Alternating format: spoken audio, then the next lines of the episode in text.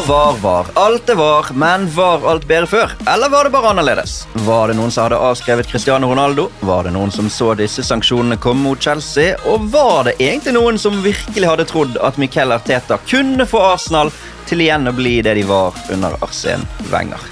Kai Havertz dukket opp igjen, og ingen er mer var på det som rører seg av offensive muligheter i Premier League enn Christian Eriksen. Make love, not var. Og velkommen til denne mandagens PL-podkast. Arsenal-supporter og TV-stjerne Jonas Berg Johnsen.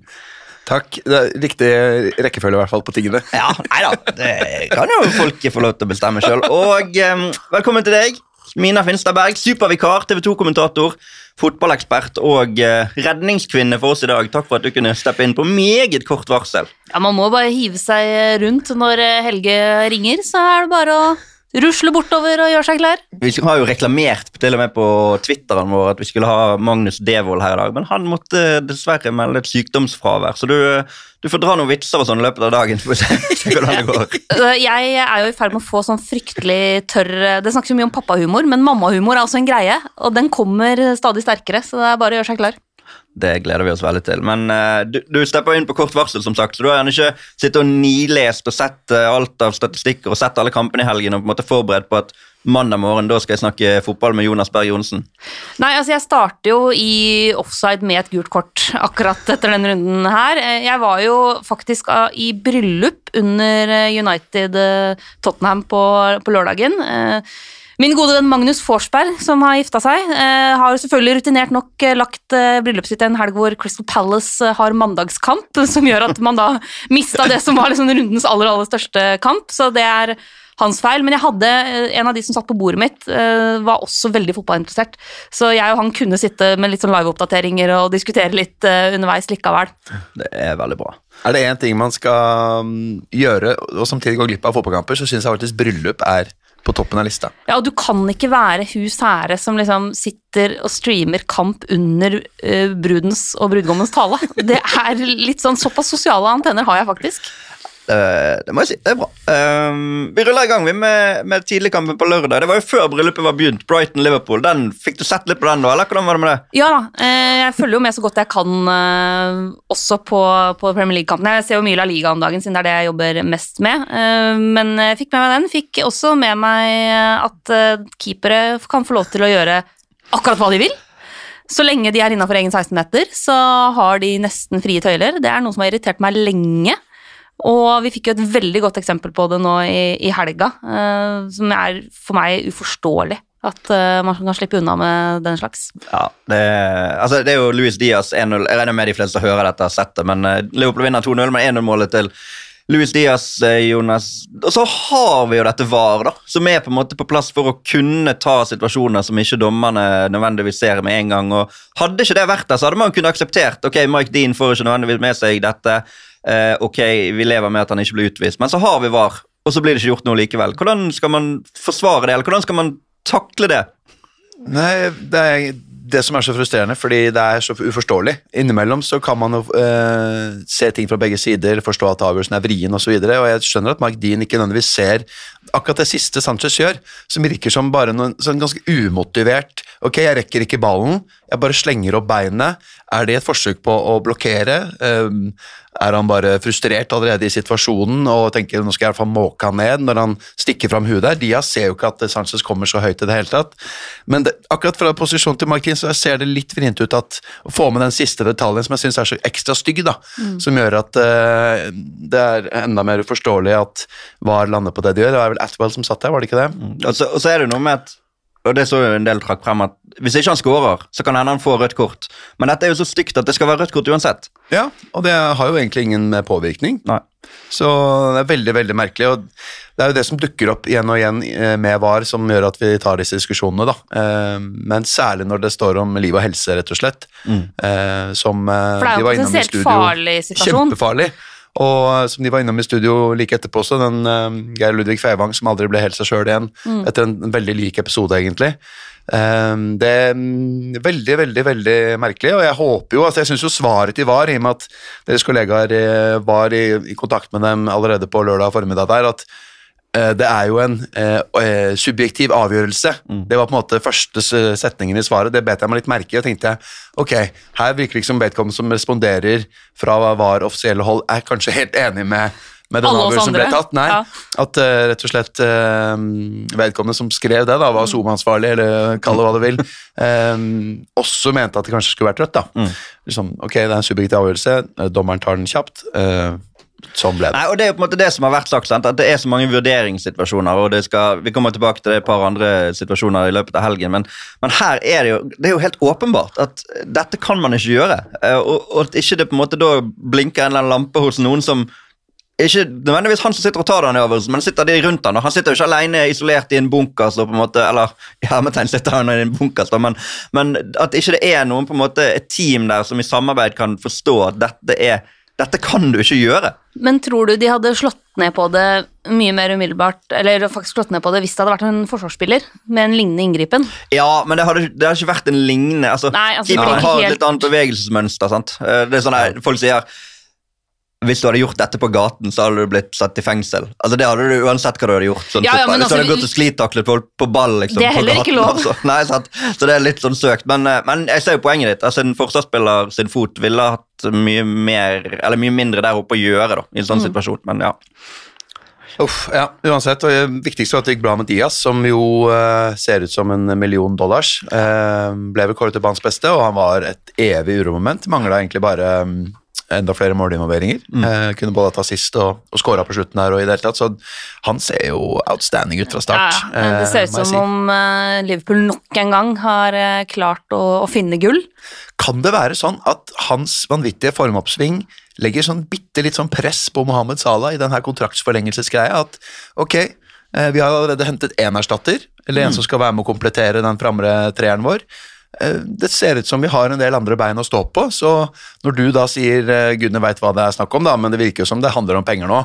Eh, basert på den agenten til Mohammed Salah som gikk ut med de smiley-facene sine på Twitter etter Klopps siste uttalelser om eh, at nå har vi gjort det vi kan, eh, på pressekonferansen før kampen, så eh, tror jeg jo at ok, er det 350 000 pund, 400 000 pund, hva hva er det det er snakk om her? Vi vet ikke, men Liverpool har jo noe å forholde seg til, en struktur.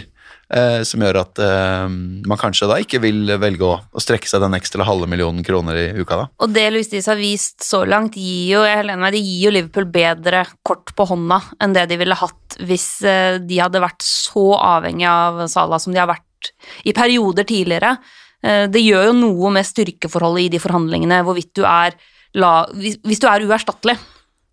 Så er det veldig veldig lett å, å stille veldig høye krav. Hvis du er Ja, du er best, men eh, det er ikke sånn at laget liksom klapper sammen hvis du forsvinner.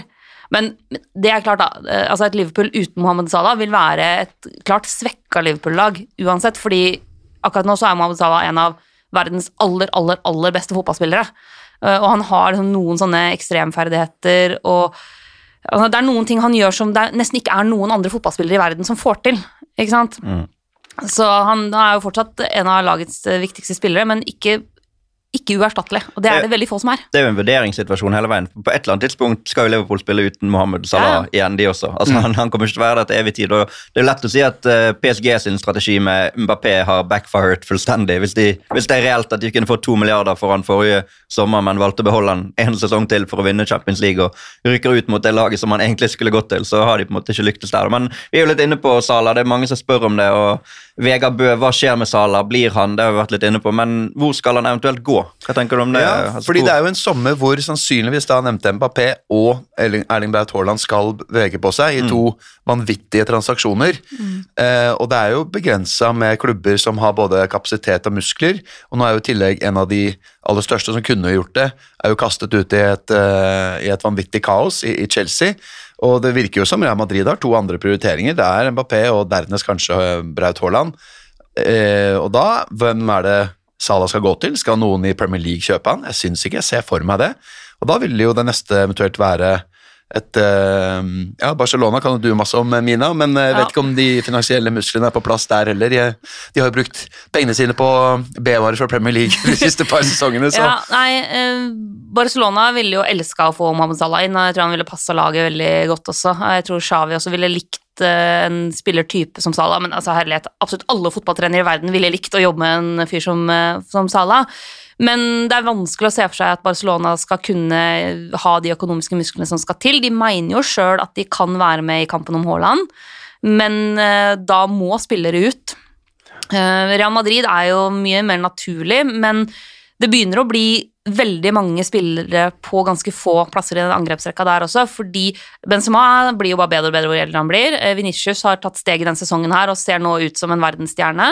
Eh, Så har du, hvis Mbappé skal inn, eller Haaland skal inn, så begynner det å bli ganske trangt, Mbappé da. passer jo egentlig bedre inn Eller på høyrekanten er det så på Mbappé eller Salah. Nå riktignok trives Mbappé best til venstre, men med Vinicius og Benzema. Hvis Benzema blir også, da. For det er jo høyrekanten som er på en måte ledig i Ja. Real Madrid. Så nei, det er vanskelig å se hvor Salah i så fall skal dra, fordi eh, Ja, det er Manchester City, da. Men eh, de også Ah, det ville har jo ganske spektakulært oppsiktsvekkende. Ja, de det ville vært veldig rart om man skulle gå dit, og det er også et lag som har ganske mange offensive strenger å spille på allerede. Eh, og det er litt sånn, fordi Liverpool er så gode nå, så er det, det er få steder du kan reise som er et skritt opp i status og, og sportslig sett, da. Knapt noen. Måtte vært for å prøve seg skikkelig i Spania, for Ja. Eh, eller for så vidt, hvis du har lyst til å ja, Det Bayern holder på med, det ser jo gøy ut, på en måte. Men Atypisk Bayern-signering også, ja, vet veldig. Så, det, her ender vi jo med at det nesten bare er PSG som da slipper Mbappé og må ha en sånn eh, markeringssignering eh, Mm. inn. Eh, og de har jo eh, pengene til det, og han har en alder som gjør at han også vil ha knapt nok noe videresalgspotensial. så det er jo Jeg føler liksom at det står liksom skrevet PSG over det hele. Det kan hende, det. Ja, i hvert fall uh, Men magefølelsen min er at han blir At han blir- Liverpool. Ja, jeg tror også det, og uansett så er det jo en sesong til. Det største utfordringen for Liverpool er jo den at det er en trio her som alle nærmer seg både kontraktsutgåelse og alder som gjør at det er en sånn vrien eh, situasjon. Hadde en av de vært to eller tre år yngre og hatt et år eller to til på kontrakten, så hadde de på en måte hatt en mye mer sånn fleksibilitet i Mané, Firmino og Salah der, da. Så jeg skjønner at det vekker skikkelig hodebry på Anfield, og de har jo eh, drifta klubben ekstremt godt. Og det er jo noe av modellen her som gjør at ok, hva skjer hvis vi sprenger taket med 150 000 pund til opp nå? Det, det kan få uante konsekvenser, da. Og som Arsenal-supporter Arsenal har sittet i situasjoner hvor man har vært avhengig av å resignere nøkkelspillere. Theo Walcott satt der i 12-13, hadde alle kort på hånda. Øzil i 17-18. Alexis Sanchez sa det vel også. ikke sant? Hvor man da ender med å gi den kontrakten man egentlig ikke verken har råd til eller burde gitt. Og, og det kan straffe seg. Og Liverpool er en av de klubbene jeg stoler mest på at har en plan. Fordi jeg syns alt de har foretatt seg på overgangsmarkedet de siste åra Det er ikke alle spillerne som har slått til. En spiller som jeg f.eks. hadde kjempetrua på, Minamino, for han hadde vært så innmari eh, god eh, ute i Europa tidligere. Eh, ikke blomstra fullstendig ennå, det må vi jo kunne, kunne si. Men, så det er ikke sånn at de har truffet på alle signeringene sine, men de gjør ofte unna ting ganske tidlig i markedet, eller overgangsvinduet. Det er for meg et tegn på at man jobber ganske godt resten av året. Jeg pleier å si til folk at ikke vær stressa hvis det ikke er noen rykter om klubben din på deadline day. For det betyr at de sannsynligvis har planlagt godt nok til å slippe å handle på deadline day. Du vil egentlig ikke være i den situasjonen at du trenger å få gjort noe helt på tampen av overgangsvinduet. Liverpool har ofte vært gode på å være i, i forkant, og jeg syns også de har vært ganske gode til å prøve å finne erstattere før de trenger. Sånn at du ikke står der med at nå er det tre nøkkelspillere på vei ut, og du har ikke peiling på hvem som skal komme inn og gjøre den jobben. Liverpool har ofte, synes jeg, vært flinke til å hente de spillerne en sesong før. Sånn at de får tid på seg til å faktisk eh, bli kjent med laget, bli en del av det, sånn at du ikke trenger en sånn én-til-én-erstatter ved sesongstart. Ja, og det har jo de fått inn både Shota og Luis Diaz, da, så på en måte allerede Definitivt. å, å stemme. Men eh, Salah, 20 ligamål, blir nesten garantert toppskårer. Det er jo ikke sikkert, men eh, ser i hvert fall sånn ut. Eh, han og Mané har skåret 10% av alle Premier League-målene til Liverpool gjennom historien. Wow. De kom nå opp i 2000 mål. eh, I Premier, altså i æraen 92 til i dag. Jeg vet mange irriterer seg over det, men det, det gnir det inn til de, de som irriterer seg over det. Neida. Eh, så det, han er jo en markant skikkelse i Liverpool-historien. og eh, De har hatt flere markante skikkelser tidligere og kommer til å klare å erstatte han også. De, sånn er det jo med alle. Men uh, Og, og tenk, at det er egentlig ganske utrolig at de to til sammen har 10 når du så tenker Owen, Fowler, eh, Suárez, Torres, eh, Gerrard Så mange som har skåra så mange mål. Altså, Hvis du legger sammen alle disse her eh, så nærmer vi oss vel en 50-60-70% bare på en 6-7 spillere omtrent. Da. Det er jo Ja. flere her som har 100-150 mål. Altså så skåret Voronjen bare fem, da, så det, det går på en måte opp i opp. Men eh, Brighton, vi må kjapt innom de også. Eh, Adam Lallana-derby, det var fine scener før kamp der når eh, Klopp og Lallana traff, traf hverandre. De, de har fem strake tap nå. Første gang siden de var i League One i 2007 at de har fem strake ligatap. Og eh, har rett og slett gått litt ut av luften ut av den Potter-ballongen, Jonas. Jeg vet ikke hva vi skal si om det. Litt, altså jeg hadde egentlig veldig forventninger til Brighton her. Eh, Potter har jo eh, håndtert Klopp og Liverpool veldig bra siden han overtok, og de var jo helt fantastiske på Anfield eh, i første kampen. Så, men nå er de inne i en sånn blindgate hvor selv om det possession-messig ser helt ok ut, de har strukturen for vidt på plass, det er ikke sånn at de slipper inn bøttevis av mål, men når de nærmer seg 16-meter, så er det den, laget bærer preg av at talismanen skal være Neil Mopé, som jo er en spiller som eh, til tider mangler så mye selvtillit foran mål og skuddfot at eh, det er nesten komisk. Og nå er det ikke nødvendigvis han som kom til så mange sjanser denne gangen, men eh, de har for mange spillere som ikke har nok målgen i seg, syns jeg. Mm. du, har mål, du kan komme mål fra mange plasser på det laget der, men hvor mange er det som skal skåre mer enn fem-seks? Og det er en utfordring når du da er inne i en, en eh, litt sånn eh, ja, blindgate, rett og slett. Og jeg syns aldri de følte seg skikkelig trua av Liverpool, på tross av at jo Brighton har to-tre enorme sjanser. Eh, og på slutten så får de jo til et ganske bra trøkk på, på Liverpool. Men, eh, men nå er jo Liverpool også inne da, i kombinasjon med dette, er jo Liverpool inne i en formidabel eh, defensiv rekke. Har de sluppet inn ett Premier League-mål i 2022, eller hva det er, eller to mål på disse åtte-ni kampene de har vunnet på rad nå? De slipper jo ikke til. Um, så det er, um, da er det vanskelig, altså. Ja. Og det jo, dette Brighton-laget er jo et lag med mye kvalitet, syns jeg. Mange spillere som har ganske gode tekniske ferdigheter og ålreit fotballforståelse og alt det der, men det er enig, det er litt lite killerinstinkt. Eh, Det er litt sånn mye nesten, at du kan spille deg fram til fine posisjoner og, og gode sjanser, men, men det er den siste pasninga, den siste avslutninga som ikke sitter helt. Men jeg, jeg tenker at for Brighton sin del så blir den sesongen sånn det ser ut som nå, da. Eh, De, jeg tror de slipper den nedrykkssumpa, og, og bare det altså Vi må huske at det er ikke altså Brighton har jo ikke vært en superetablert klubb som på en måte altså Hvis de får en sesong hvor de havner på 13.-12. plass, da, så er ikke det katastrofe på noe som helst vis, men det var bare at de hadde en periode tidligere i sesongen hvor det så så veldig, veldig bra ut. Eh, og hvor tenkte, altså hvor det, man begynte å snakke om eh, Conference League eh, omtrent, ikke sant, men det, det, det holder ikke til en topp ti-plassering sannsynligvis, men likevel liksom helt, Helt, helt Ja, ja, go, godkjent, godkjent sesong, liksom. 33 poeng med 10 kamper igjen. Jeg tipper de hadde tatt det før sesongstart. Hvis Ja. de vil. Og så har de booket seg en time hos eh, Dr. Tottenham onsdag kveld, så det kommer Men eh, problemet deres der er jo at eh, Tottenham nå tapte sist. Det Ja. betyr jo at det blir seier. Ja, men det får få, dager til kamp, vet du, det er det det går på. Men, vi får hoppe til det som var en litt spesiell 16-runde, for det var jo bare én kamp. Én tippekamp, Brentford, Burnley, en veldig viktig kamp nede i bunnen der. Eh, snakket jo så vidt med Pontus Jansson før helgen, eh, han var jo veldig klar på at eh, taper vi denne, så får vi bare være klare igjen neste helg. og veldig sånn, Det er jo standardsvaret, men, men jeg tror Brentford har en ganske sånn grei tilnærming til ting. da, fordi at de har de er i Premier League, det er en bonus i utgangspunktet. De startet veldig bra, fikk mye poeng, det er en bonus i utgangspunktet. Og nå er de inne i en periode med kamper som de vet at de møter lag de kanskje er bedre enn, og det har de vist to kamper på rad. Slått Norwich, slått Brentford, og har på en måte fått det pusterommet. De er nå på 30 poeng, mens Burnley blir værende på 21. Hadde de tapt den, hadde det vært fullstendig i motsatt. altså jeg tenkte jo kanskje det spøkte litt for Brentford, men når man nå ser de kampene de har igjen, så bør det vel kanskje gå og holde seg. Eh, jeg syns uh, at det minner meg litt om den første sesongen til Sheffield United med Brentford. God Er det, er det pga. draktene? Ja, altså, kanskje. Eh, det kan være det. Og så er det selvfølgelig to klubber med en helt ulik historisk bakgrunn og så videre, og for Brentford å komme opp, altså som Jesper Mathisen sa i B-laget forrige uke, at eh, ja, jeg var på Real Madrid nå mot PSG, men den kuleste kampen jeg har sett live i år, er Brentford-Arsenal i serieåpningen. Eh, Og den entusiasmen og trøkket på tribunen der eh, har på en måte, om ikke holdt seg helt på det nivået gjennom hele sesongen, så har vel fansen til en viss grad forståelse for at ok, eh, vi får en rakettstart på denne Premier League-forsøket vårt, men eh, å forvente at vi skal eh, holde den stimen, kanskje litt for mye. Og så får man en liten downer, og så tar man nå med Iman Tonys eh, etterlengtede skadecomeback og ikke minst begynner å skåre masse mål, har vel sju på de siste fire startene eller noe sånt. Endelig, virkelig. Og der har du den spissen som virkelig kan gi deg de måla som sørger for at du overlever, som har et helt annet killerinstinkt, og som, som er Han er jo en god avslutter. Jobber knallhardt, eh, flink til å komme seg til de mulighetene, og er en sånn spiller som kan vippe de vanskelige kampene i din favør, da.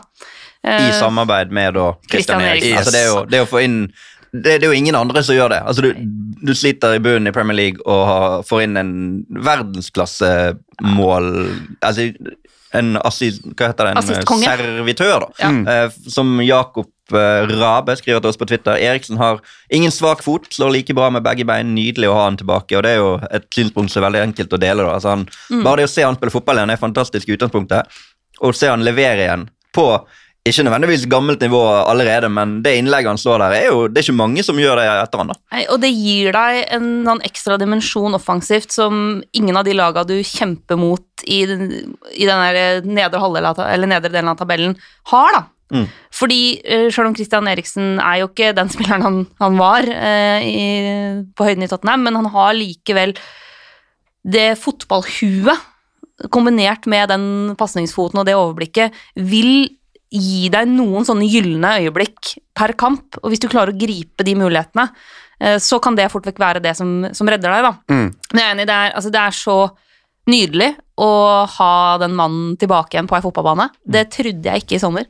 Nei, og han øh, har jo født en fot som kan prikke baller på et veldig sterkt dødballag Ja. også, både i åpent spill, men også på dødballer. Det er også en ting som kan være med å faktisk vippe eh, et lag fra å være i nedrykksstriden til å, å holde den relativt gode klaringen som de nå ser ut til, for jeg tror at lagene der nede er, det er for mye hubba bubba, Ja. for mange Og ikke bare at, eh, det er ikke liksom bare det at de har store, sterke midtstoppere, men de har gjennomtenkte dødballer. da. De har Ja. jo han som var inne og var liksom Norges dødballsredningsmann Ja. der. Og han fikk jo masse skryt, han Ja. av våre landslagsgutter, bare på kort, eh, på kort Ja, tid. Så det viser jo eh, hvor enkle grep som kan tas, da, og det fungerer. Og så er jo Brentford et eksempel på en klubb som ved å jobbe smart klarer å få ganske mye ut av de ressursene de har tilgjengelig, med måten de henter spillere på, måten som klubben drives på, da. Eh, som jeg syns er ganske interessant. Eh, du, når du ser liksom hvordan de jobber med å identifisere akkurat hvilke type egenskaper er det man trenger, og hvordan de jobber med å finne de spillerne som kan skape dette puslespillet som skal passe perfekt. Så jeg, jeg synes, jeg har fått sansen for Brentford, og jeg syns det er eh, gøy å jeg synes det er veldig gøy å se dem, eh, og det blir jo ikke verre av å ha Christian Eriksen utpå der. Som litt sånn ekstra strøssel på toppen. Ja, virkelig. Men eneste at jeg er litt bekymra for neste sesong, jeg også, for dem. Fordi Ja, det, er, det er ikke så mye kvalitet. Det var et eller annet med at systemet der, eh, selvfølgelig entusiasmen og alt det der litt, Det er noen sånne elementer som minner meg litt om Sheffield United. Ja. Og at proppen plutselig kan gå fullstendig altså Det var jo egentlig uforklarlig hvor mye dårligere Sheffield Mm. United ble, men det var etter mitt skjønn mer en justering inn eh, til hvor gode spillere de egentlig hadde.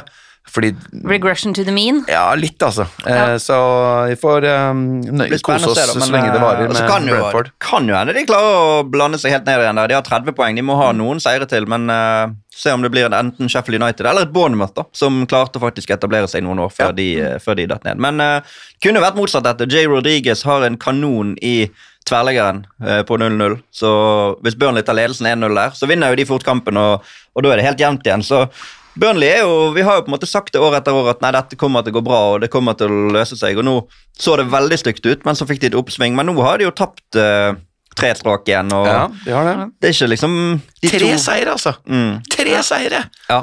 Det er Men så liksom- ynkelig. Ja, men de kom mot Tottenham, og altså de kom nå først 3-0 bort mot Brighton, og så slo de Tottenham i kampen etter. Og fulgte det opp med å ta poeng bort mot Palace etter at de også hadde spilt jevnt med både Liverpool, Manchester United, Chelsea. Så man følte at okay, nå går det bra igjen. Men så har det på en måte stoppet opp. da. Så Ja. De har fremdeles de to hengekampene sine. Og hvis de Ja. klarer å få noe ut av de, så er de fremdeles i uh, i hvert fall foran Watford. da. Mens Everton, som vi nå skal komme tilbake til etterpå det Ja. Tre av disse lagene må jo gå ned, da. Ja, de må det. nødvendigvis. Og hvis du, hvis du kikker på lagoppstillingene, så skal jo Everton egentlig være uh, klart Mm. best, men eh, det har jo ikke sett sånn ut når de spiller. Nei, og Sean Dyche er jo en ringrev i dette gamet. Vi laget en sånn spesialepisode med han for et par uker siden, så den kan jo de som ikke har hørt den, høre. Så kan jo høre hva han sjøl sier om situasjonen de er i. På eh, Old Trafford var det storkamp, flomlys, motstander som Cristiano Ronaldo alltid liker å spille mot, og da endte det som det måtte ende, med Ralf Ragnhild og Cristiano Ronaldos eh, nye vennskap som har blusset opp igjen. og nå, eh, Han er jo fin, han Ragnhild. Da står der liksom etterpå og får spørsmål om sånn ja, er det krisen og hvordan er krisen? Så, ja, selvfølgelig er det krise her, så hadde ikke jeg vært her. Og det har han jo helt rett i. sant? Altså, på en måte bare avvæpner eh, problemet med en gang. Men Ronaldo eh, han gir seg ikke, Mina. Det, det er mange som sitter og avskriver, og da slår han tilbake. Ja da, eh, men det var på en måte et spørsmål om tid. Vi snakka litt om det, Helge, før du kom, før vi trykka på record-knappen, at jeg tror Cristiano Ronaldo fortsatt kommer til Altså Han er jo fortsatt i stand til å produsere et par spektakulære øyeblikk per kamp, ikke sant? Eh, Men de kommer i Eller i løpet av 90 minutter så kan han gjøre geniale ting.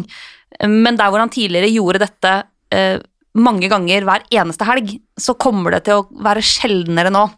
Eh, og han er ikke like mye i stand til å liksom dominere en kamp, eie en kamp, sånn som han var da han var yngre. Og det er helt naturlig, fordi han nærmer seg 40. Så det, ville vært litt sånn utrolig om han klarte å, å herje som det han gjorde på, på toppen fortsatt. Men han er jo fortsatt en vanvittig målskårer. Og han er en fyr som hvis, hvis han får mange nok sjanser, så vil det innimellom løsne skikkelig.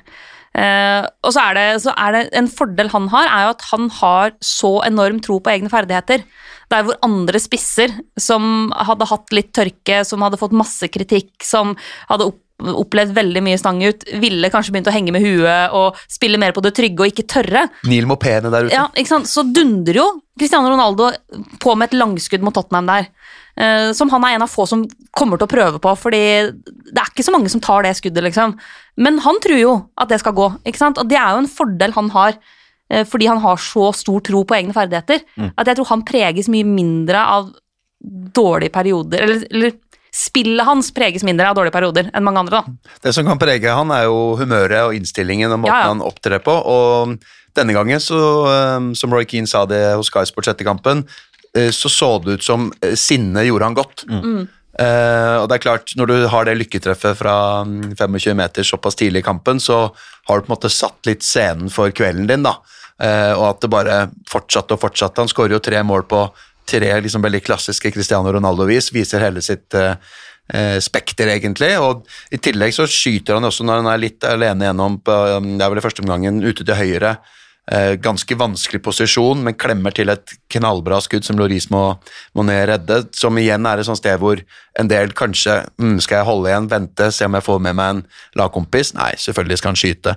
Og det er jo egentlig skillnaden på laget her. Mm. I Ja denne da. kampen. Altså det er, eh, og det kunne jo like gjerne vært Harry Kane, eh, for så vidt, som kunne vært tunga på Men jeg tror nok at måten, måten United tilnærmer seg kampen på, også gagnet Ronaldo litt. og At han hadde litt mer overskudd. At de skulle ikke presse like høyt hele veien. så at De skulle ligge litt dypere og la Tottenham ha ball styre. Brukte han kanskje ikke så mye krefter på det. Så kanskje Så du sier han løper?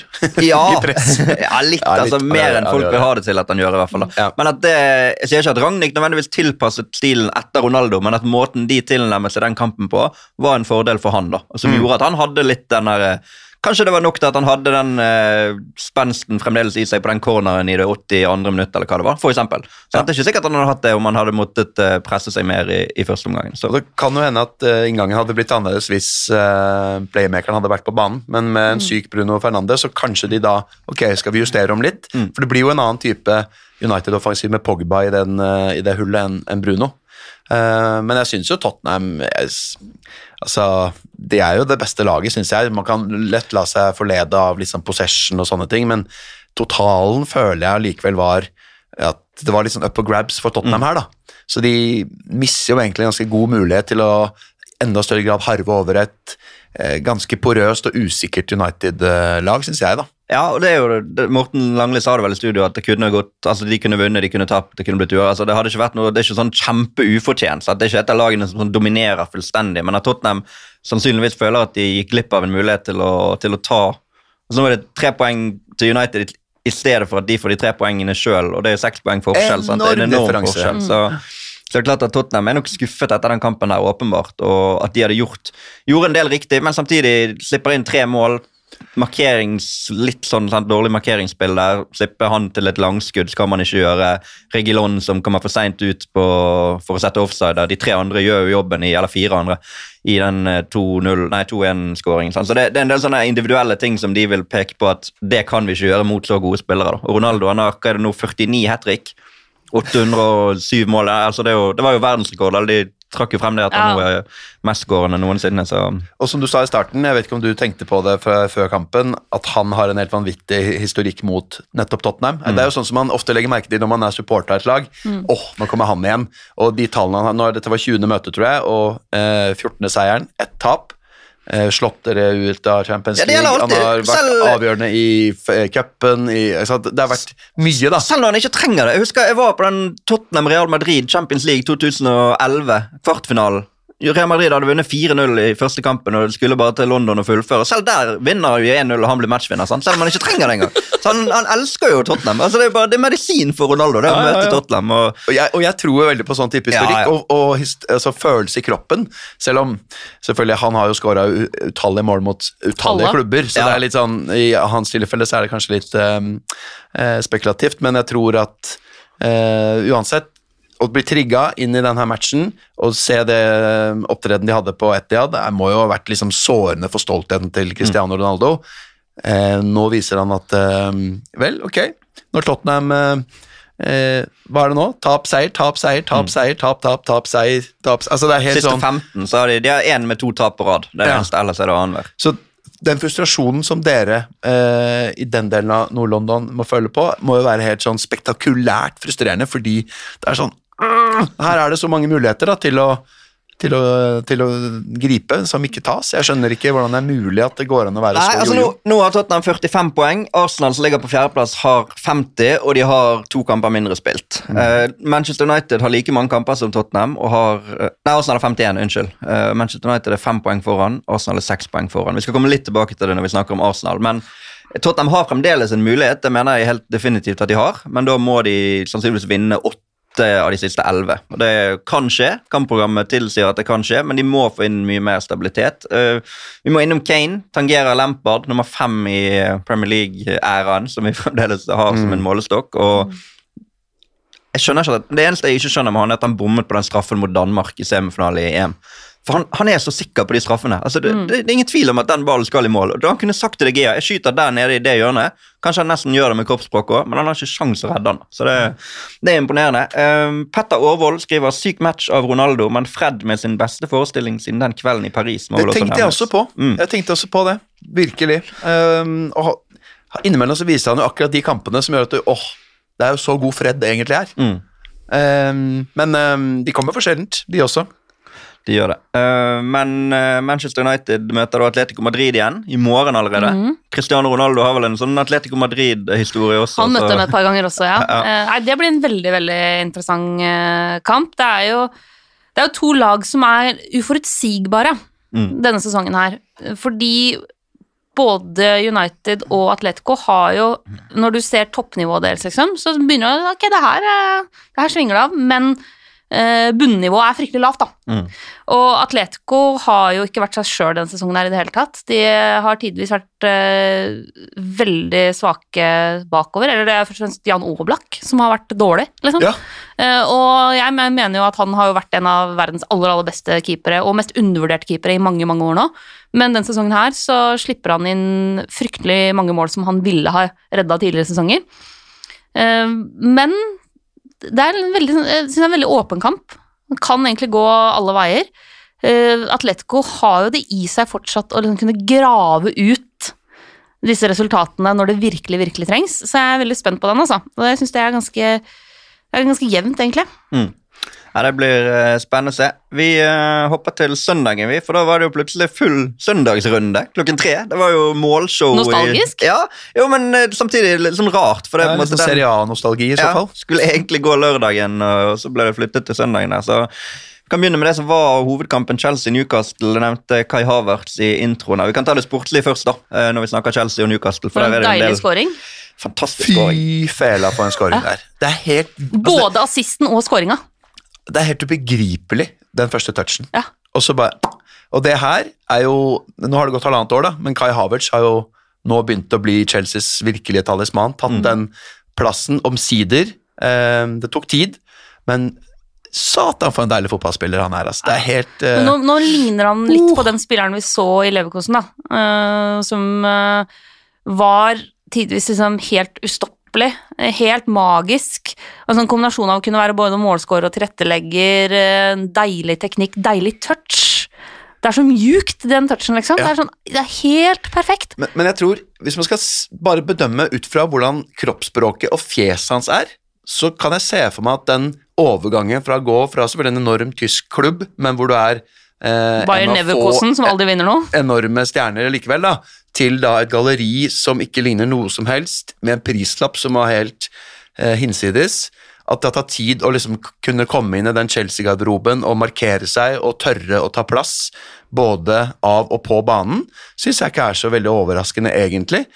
Den, det elementet tror jeg kan være en av hovedgrunnene til at det har tatt litt tid. da, Og i tillegg til at hvor skal han spille? Eh, vi har så mange system, har ulike systemer, det har vært ny trener, altså det har vært mye greier da, som har gjort at man kan forstå at eh, det også gjør det utfordrende, men, men når han endelig har fått brikkene til å falle på plass, så syns jeg Det er jo han som, og pasningen selvfølgelig, absolutt, fordi all ære Newcastle eh, dreper jo den kampen. altså Det er jo noe av det kjedeligste jeg har sett. Den første omgangen fra Stamford Bridge, og egentlig annen omgangen òg. Da, da begynner nærmere liksom håpet for oss rundt, da, Mm. Vi bak i Chelsea. Og Ja, for det er jo, kanskje- Nå er de ni poeng ned til Manchester United. Hadde de ikke vunnet den, så hadde det vært syv, og de skal møte de, og de skal møte Arsenal. Sant? Yes, Så, ja og de skal vel møte Tottenham Nei, en gang til? Ikke Tottenham. De har møtt hverandre ni ganger denne sesongen allerede. Men, Det eh, men nei da, det er viktig å vinne den kampen. Så kan du si at Newcastle dreper kampen. Ja, det gjør de, men det er jo bra gjort da, av Newcastle. De, Ja, mot et Ja, Eddie Howe har jo fått kritikk for det før, at han ikke har uh, klart å være god nok defensivt. Men jeg har lest at han hadde vært i Spania og studert litt. Var det Simione han hadde vært på besøk Og Så hadde han i hvert fall uh, fått noen impulser som på det defensive. da. Så, Ja, og han har faktisk Bournemouth også lagde en del trøbbel for Chelsea på Stamford Bridge, husker jeg. Mm. Uh, den tida der, Så uh, tydeligvis en bane han har løst, da, og Chelsea Ja. at han klarer å De har jo vel også faktisk på besøk uh, hos Stjernes Stjernenes helgequiz. Ja, men, men også nå tenkte jeg på Sarri, da. da Sarri, Før Napoli-tida, liksom. Da Sarri var i Empoli. Ja. Eh, og jo gjorde underverker med, med et egentlig ganske dårlig lag. Eh, så, så Eddie Howe har jo liksom reist rundt flere steder og liksom virkelig vært Det syns jeg er kult, da, med trenere som er veldig åpne på at, eh, å søke andre impulser, reiser til andre land, ikke bare tenke den klassiske engelske skolen, men også, som også er på en måte såpass åpen at jeg har forbedringspotensial. Jeg har mye å lære. For der har du jo andre managere som kanskje er mer satt i måten å tenke fotball på, som har funnet sin greie og gjør det. Mens eh, Pep også gjorde det samme, dro på en sånn rundreise og valgte klubber på tampen av karrieren basert på hvilke trenere han ville jobbe med, og at han ville en tur til Italia for å lære mer rundt det taktiske og sånn. Så de ser jo bedre ut sportslig i Newcastle. Eh, Ja, hadde ni- moralsk sett så har de jo Ja, det kjempetrøbbel, men, eh, men sportslig sett så ser det jo bedre ut. Ja, men bare et par sportslige ting før vi går inn på, på den, altså, eller på VAR igjen. da. For det her er det jo i hvert fall to situasjoner som Newcastle-supporterne reagerer på. Det ene er jo Havart, som eh, er oppe med en albue. Skulle han vært på banen i det hele tatt da han skåret det målet? Der, sånn jeg ser det, så er jo det den vurderingssituasjonen som det går an å Jeg mener ikke den er like soleklar som den Luis Diaz-varianten, i hvert fall. da. Nei, enig det. Men, men det er klart at hadde dommeren gitt rødt kort i utgangspunktet, så hadde nok ikke den blitt omgjort. Nei, tro, sant? sannsynligvis ikke. Fordi at det, det kunne nok kanskje forsvares. For det, men, men så er det denne Murphy og Chaloba-situasjonen, der det er helt åpenbart han drar han i drakten. Og Derfor har vi fått et spørsmål fra Bjørn Vestblad. Ny variant. På en skala fra én til ti, hvor én er straffe, utropstegn, og ti er soleklar straffe. Hvor havner straffen Newcastle ikke fikk mot Chelsea? Så jeg så skrev syv der, eller noe sånt. Ja. Det kan kanskje stemme. Men der er vi tilbake til det med holdning, da. Mm. Fordi det føler jeg jo ikke at det har endra seg så veldig mye med VAR. At uh, spillere uh, Du så jo van Dijk hadde en liten holdning uh, på vei ut av straffefeltet i møte med Brighton, jeg hvem det var, men det er sånne små Det holdes jevnt og trutt fortsatt hele tiden, uten at det slås ned på verken av dommerne. Selvfølgelig at de ikke alltid får med seg, men VAR går jo ikke inn og tar jevnt og trutt den jevne holdning. Eh, I hvert fall ikke på dødballer. Litt mer åpent spill. Men her er det så åpenbart at du ser han drar i drakten. Altså, han overdriver veldig kanskje fallet. da. Altså, Du blir dratt bakover og faller fremover. Da er det et eller annet som skurrer. da. Ja, det er det jo. Eh, men eh, tenk eh, sankthansaften 1998. Ja, ja. Altså, Det var jo en slags var, det. Vi Ja, fikk ja. bare dagen etter på, Nå. Ja, nå er han svenske fotografen bak mål, men Mm. eh, det er jo tilsvarende, du, du ser det så tydelig, Mm. og da er det jo egentlig merkelig at ikke det går inn. Det er frustrasjonen, altså, eh, jeg føler jo at jeg heier på en klubb som eh, litt for ofte ikke får de straffene, og så litt for ofte akkurat får de 50-50 imot. Det er det jo sikkert andre som også føler på, men det har vært litt sånn denne sesongen, da, og det gjør jo at eh, ja, ok, når er det de griper inn, når er det de ikke griper inn? Ja, så skjer det Neste helg så er det noen som får straffe på akkurat det samme. Og da, det, det er liksom der Funker da VAR som verktøy på den type situasjoner? Eller må man si at fotball har for mange sånne nyansesituasjoner Ja. der akkurat de tingene ikke kan tas, men at du kan ta de åpenbare? Men så, så det, er kai åpenbart? Så Det vil også være et definisjonsspørsmål. Ja. Så det er vanskelig. Uh, og så En av de straffesituasjonene jeg husker best fra VAR, er Wolverhampton-Arsenal forrige sesong. Når David, David Lewis, Lewis, ja. du, Etter 100 priser i slowmo så ser du at den ene knotten på ene skoen hans så vidt, så vidt, så vidt så vidt er borti hælen på Wolverhampton-spilleren. Dermed er det rødt kort og straffe. Mm. Fordi det på en måte er Han forsøker ikke å ta ball, visstnok. eller Altså, og, Ja. og den, det, det igjen er en sånn Ok, det er fotball. Eh, Det er, det er bare uhell at han treffer så vidt, så vidt, så vidt.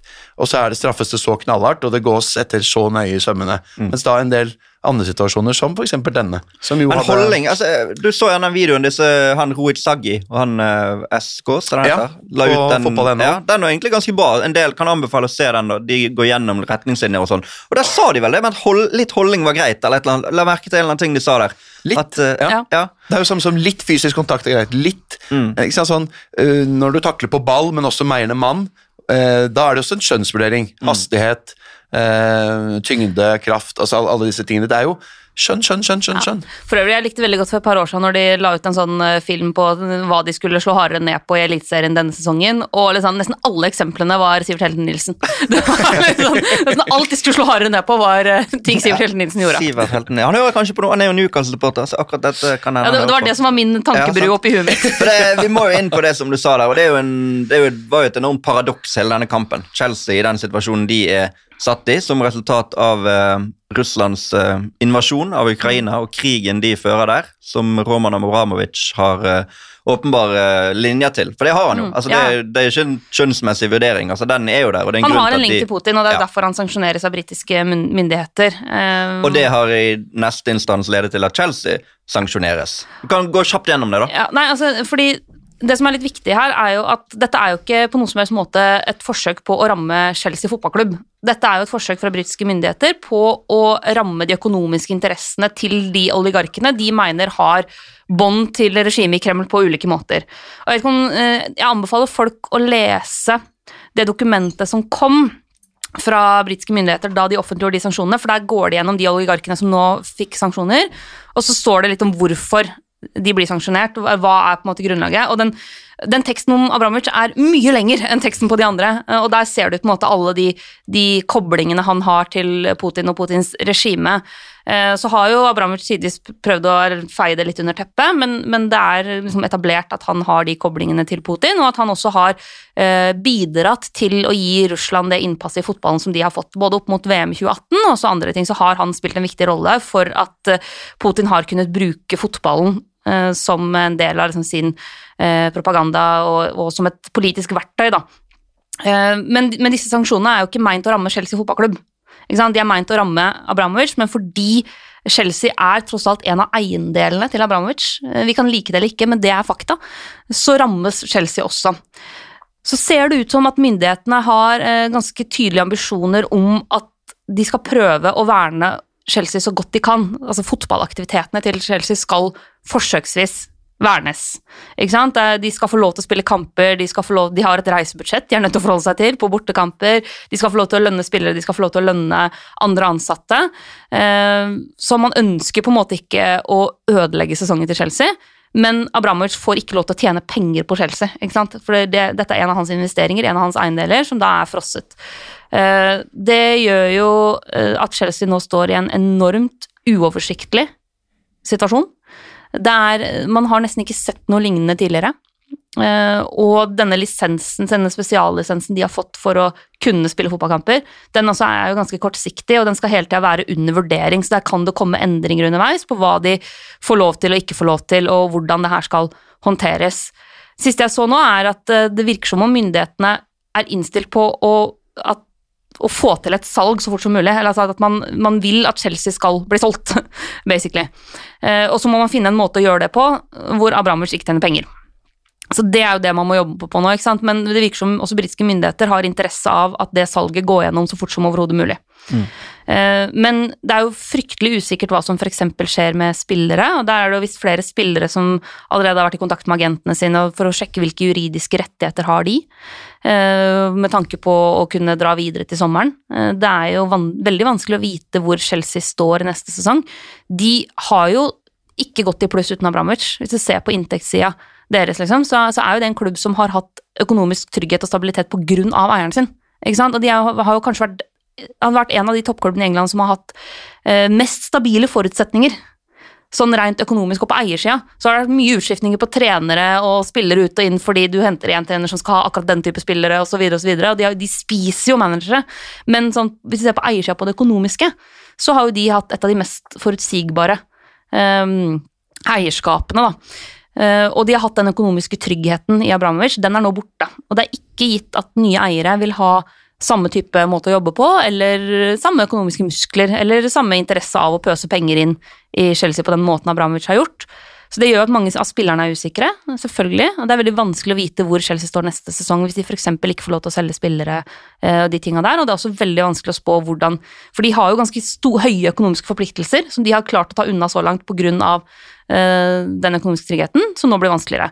Um, og jeg skjønner at dette er frustrerende for Chelsea-supportere, som føler at de rammes uh, uforholdsmessig hardt, da. Men harde fakta er at Chelsea er Abramovic sin eiendom, og det er mm. derfor dette skjer. Og så mener jo jeg at det er helt riktig at man slår hardt ned på eiere som har koblinger til den type regimer. Da kommer jo paradokset. Og da er det jo spesielt å tenke på at ok, her møter de altså et Newcastle som nylig er kjøpt opp av eiere som har så tette bånd til den saudiarabiske staten at de i praksis eies av Saudi-Arabia. Altså, de eies av oljefondet til Saudi-Arabia, på en måte. Um, og så vet vi mye mer om det som foregår i Ukraina enn det som foregår andre, andre steder. Det er i Europa, det skjer her og nå. Uh, men uh, Saudi-Arabia sine krigsforbrytelser i Jemen det har, vært helt grusomt. Så hvis man skal være hard og si at folk som driver med krigsforbrytelser, får ikke lov til å eie Premier League-klubber, og det mener jeg er en grense vi helt fint kan dra opp, den er jeg enig i, så burde også Saudi-Arabia vært nekta eh, å være inne på eiersida.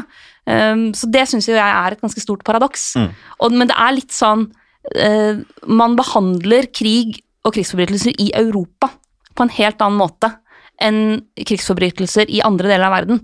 Uh, og det syns jeg er egentlig ganske svakt, at man ikke klarer å se at liksom, det foregår ting også i andre deler av verden. Mm. Og så ble det jo selvfølgelig symbolsk i går med var det 81 eller 82 henrettelser Saudi-Arabia gjennomførte i går. På lørdag. Satt vel, ja, på lørdag, ja, satt vel ny Fint forspilt i kamp, det. Ikke sant? Og da mener jeg at det er for svakt av Eddie Howe og bare si at nei, men jeg skal bare drive med fotball.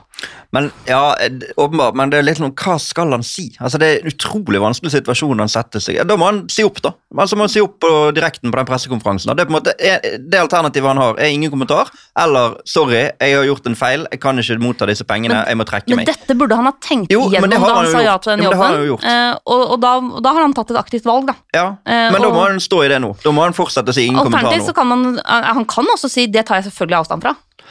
Ja, samt, ja, åpenbart ta avstand fra massehenrettelser. Ja, det kunne han gjort. Ja, kanskje. Men det er, ikke, det er, veldig lett å sitte her og si at han kunne gjort det. For hva, hva vet du aldri hva som kunne skjedd med han da? Hvis han hadde gjort det. Nei, men hvis du har Hvis, du, hvis du er i et arbeidsgiverforhold hvor det å si at jeg er mot dødsstraff gjør at du får sparken, så ja. Da er, det kanskje, da er det kanskje like greit, ja. Ja da, men, men, jeg vil jo tro at han har sett for seg at disse spørsmålene ville komme, og vært klar på forhånd på hva han vil svare på dem. Nå er det jo en del amerikanske eiere i eh, Premier League òg. De har jo dødsstraff også ja. i USA. Um, mm. så, men, det er, men det er på, måten man gjør det på, selvfølgelig. Og så er det forskjell på uh, eiere som kommer fra et land som er sånn og sånn, kontra eiere som har direkte bånd til regimet. Det mener jeg er en ganske viktig Definitivt. forskjell. Altså. Definitivt. Uh, fordi den jevne amerikaner kan være for og mot dødsstraff og kan stemme på politikere som er mot det, f.eks., og kan være for og mot de krigene USA har, har ført rundt omkring i verden. Men det er noe annet når du har eiere som har direkte koblinger til regimet. Eh, det er litt viktig for meg å skille på også. Og Det ja. gjelder jo både Ambramovic eh, og selvfølgelig aller høyeste grad Saudi-Arabia, hvor eh, regimet jo er eh, eierne. Ja. Så Eh, uff. Fin gjennomgang. Eh, Ja, altså, du kunne sluttet å snakke om dette hele Ja. dag. Min, Ja, ja. Så det, vi har bare studiotid. Det blir så, så lang tid. men, men det, igjen da, det er litt samme som med The House, så presses jo egentlig også eh, Thomas Tuchel til mye av det samme. Jeg syns han har vært god i måten han har opptrådt på. Vi har jo ikke sett noe til Chelseas eh, øvrige sportslige ledelse og administrative ledelse i det hele tatt her. Det er jo bare Tuchel som dyttes ut i intervju på intervju og eh, tilbyr seg å kjøre bussen til eh, Lill og liksom er jo, løser dette på en god måte. En vrien situasjon. Eh, og i, i, tillegg Chelsea-fansen Ok, det er kanskje smakløst med disse her Roman Abramovic Army-bannerne, og at de synger på han, og de hoier og liksom blir pepet ekstra ut av, av Norwich-fansen, eksempel, så vi forrige uke og sånn. og det, det, Sånn skal det på en måte være. Jeg, jeg forstår jeg kan forstå at de synger eh, sine kjærlighetserklæringer til Abramovic. Hvor mye vet en jevne Chelsea-supporter egentlig akkurat om disse bindingene til Putin? Ja, man vet at den er så godt som umulig å bli rik i gamle Sovjet uten å være på lag med eh, oligark, nei, med mm, den gang først Jeltsin, og, og deretter holde seg inne med Putin. Hvis ikke så er du egentlig screwed. Så det har kanskje en del Chelsea-fans fått med seg, men for dem så er jo disse siste 20 årene vært en Kjempeopptur. Enorme oppturen, og han har, vært, han har jo utviklet et slags kjærlighetsforhold til Chelsea, som han kanskje også viser gjennom sitt desperate forsøk på å kjapt kvitte seg med klubben, for han skjønte hva som kom. Um, og det handler om, selvfølgelig om å redde sine egne assets her, men også tror jeg kanskje da, dypt inne hos Abramovic ok, hvis jeg uh, relativt raskt klarer å, å selge klubben nå, så slipper vi å påføre Chelsea FC disse problemene som altså, de nå jeg, er i. det er forskjell på det å for uttrykke at uh, vi har hatt det fryktelig moro med Abramovic som eier, eh, og det å synge på han under ett minutts stillhet for ofrene for krigen i Ukraina. For der, da går vi over ei grense som Ja, ja, jeg mener er sånn Smakløst ganger 100. skjerpings. Selvfølgelig. Men så det er en forskjell der òg. Absolutt. Um, men jeg tror at jo mer suksess, jo, jo tettere bånd, jo lenger tid ting har foregått, uh, og du på en måte har et Det er noe med hans litt sånn myke, snåle oppsyn ikke sant, som gjør at du kan bli liksom Du får lyst til å klemme fyren litt, så kan du tenke Det ligger der, samtidig som han jo antageligvis er en eh, kyniker av rang, da. En, en mann som er vært, om ikke villig til å gå over lik, men i hvert fall tråkke over veldig mye annet rart for å sørge for å grabbe til seg eh, fellesskapet, det russiske folks eh, verdier, som det jo er snakk om her. Ehm, så det er jo en åh, det er tvega greie det der med Roman Abramovic, som jeg forstår er vrient for eh, Chelsea-fansen. Det er mye lettere for oss Arsenal-supportere å si at man hater eller misliker han Usmanov, som uh, forsøkte å kuppe Arsenal et par ganger der, som også er en uh, oligark av den samme typen. Han bare ser ut som en banditt, 100% Det gjør liksom ikke Abramovic. Og, og han har jo heller aldri hatt eierskapet eller fått muligheten til å pumpe inn de pengene som Abramovic har gjort, fordi eh, Arsenal-styret og Kronke har sagt nei. Så da er det på en måte sånn, ok, nei, han der er bare en sånn ekkel skurk som eh, forsøker å vippe Arsenal i en retning som han egentlig ikke vil. Hold han unna, eh, kan jeg si, men som Chelsea-supporter og ta full avstand fra Abramovic, mm, jeg skjønner at det er vrient, samtidig som det selvfølgelig bikker over når man synger sanger når det er ett minutt. Altså, det er jo, Får håpe hva skal man si? Ja, vi får håpe folk ehm, lever med at det blir en litt lengre podkast i dag. For det, det kommer det til å bli. Men det, men det er jo interessant å høre på. Ja, men det, er, jo- det er ikke noe å beklage, det er jo veldig interessant å høre på. Men vi Men til sist, at, at Newcastle, eh, det har vi, kan vi bare parkere med, at de, eh, at Saudi-Arabia var fit for purpose til å kjøpe den klubben.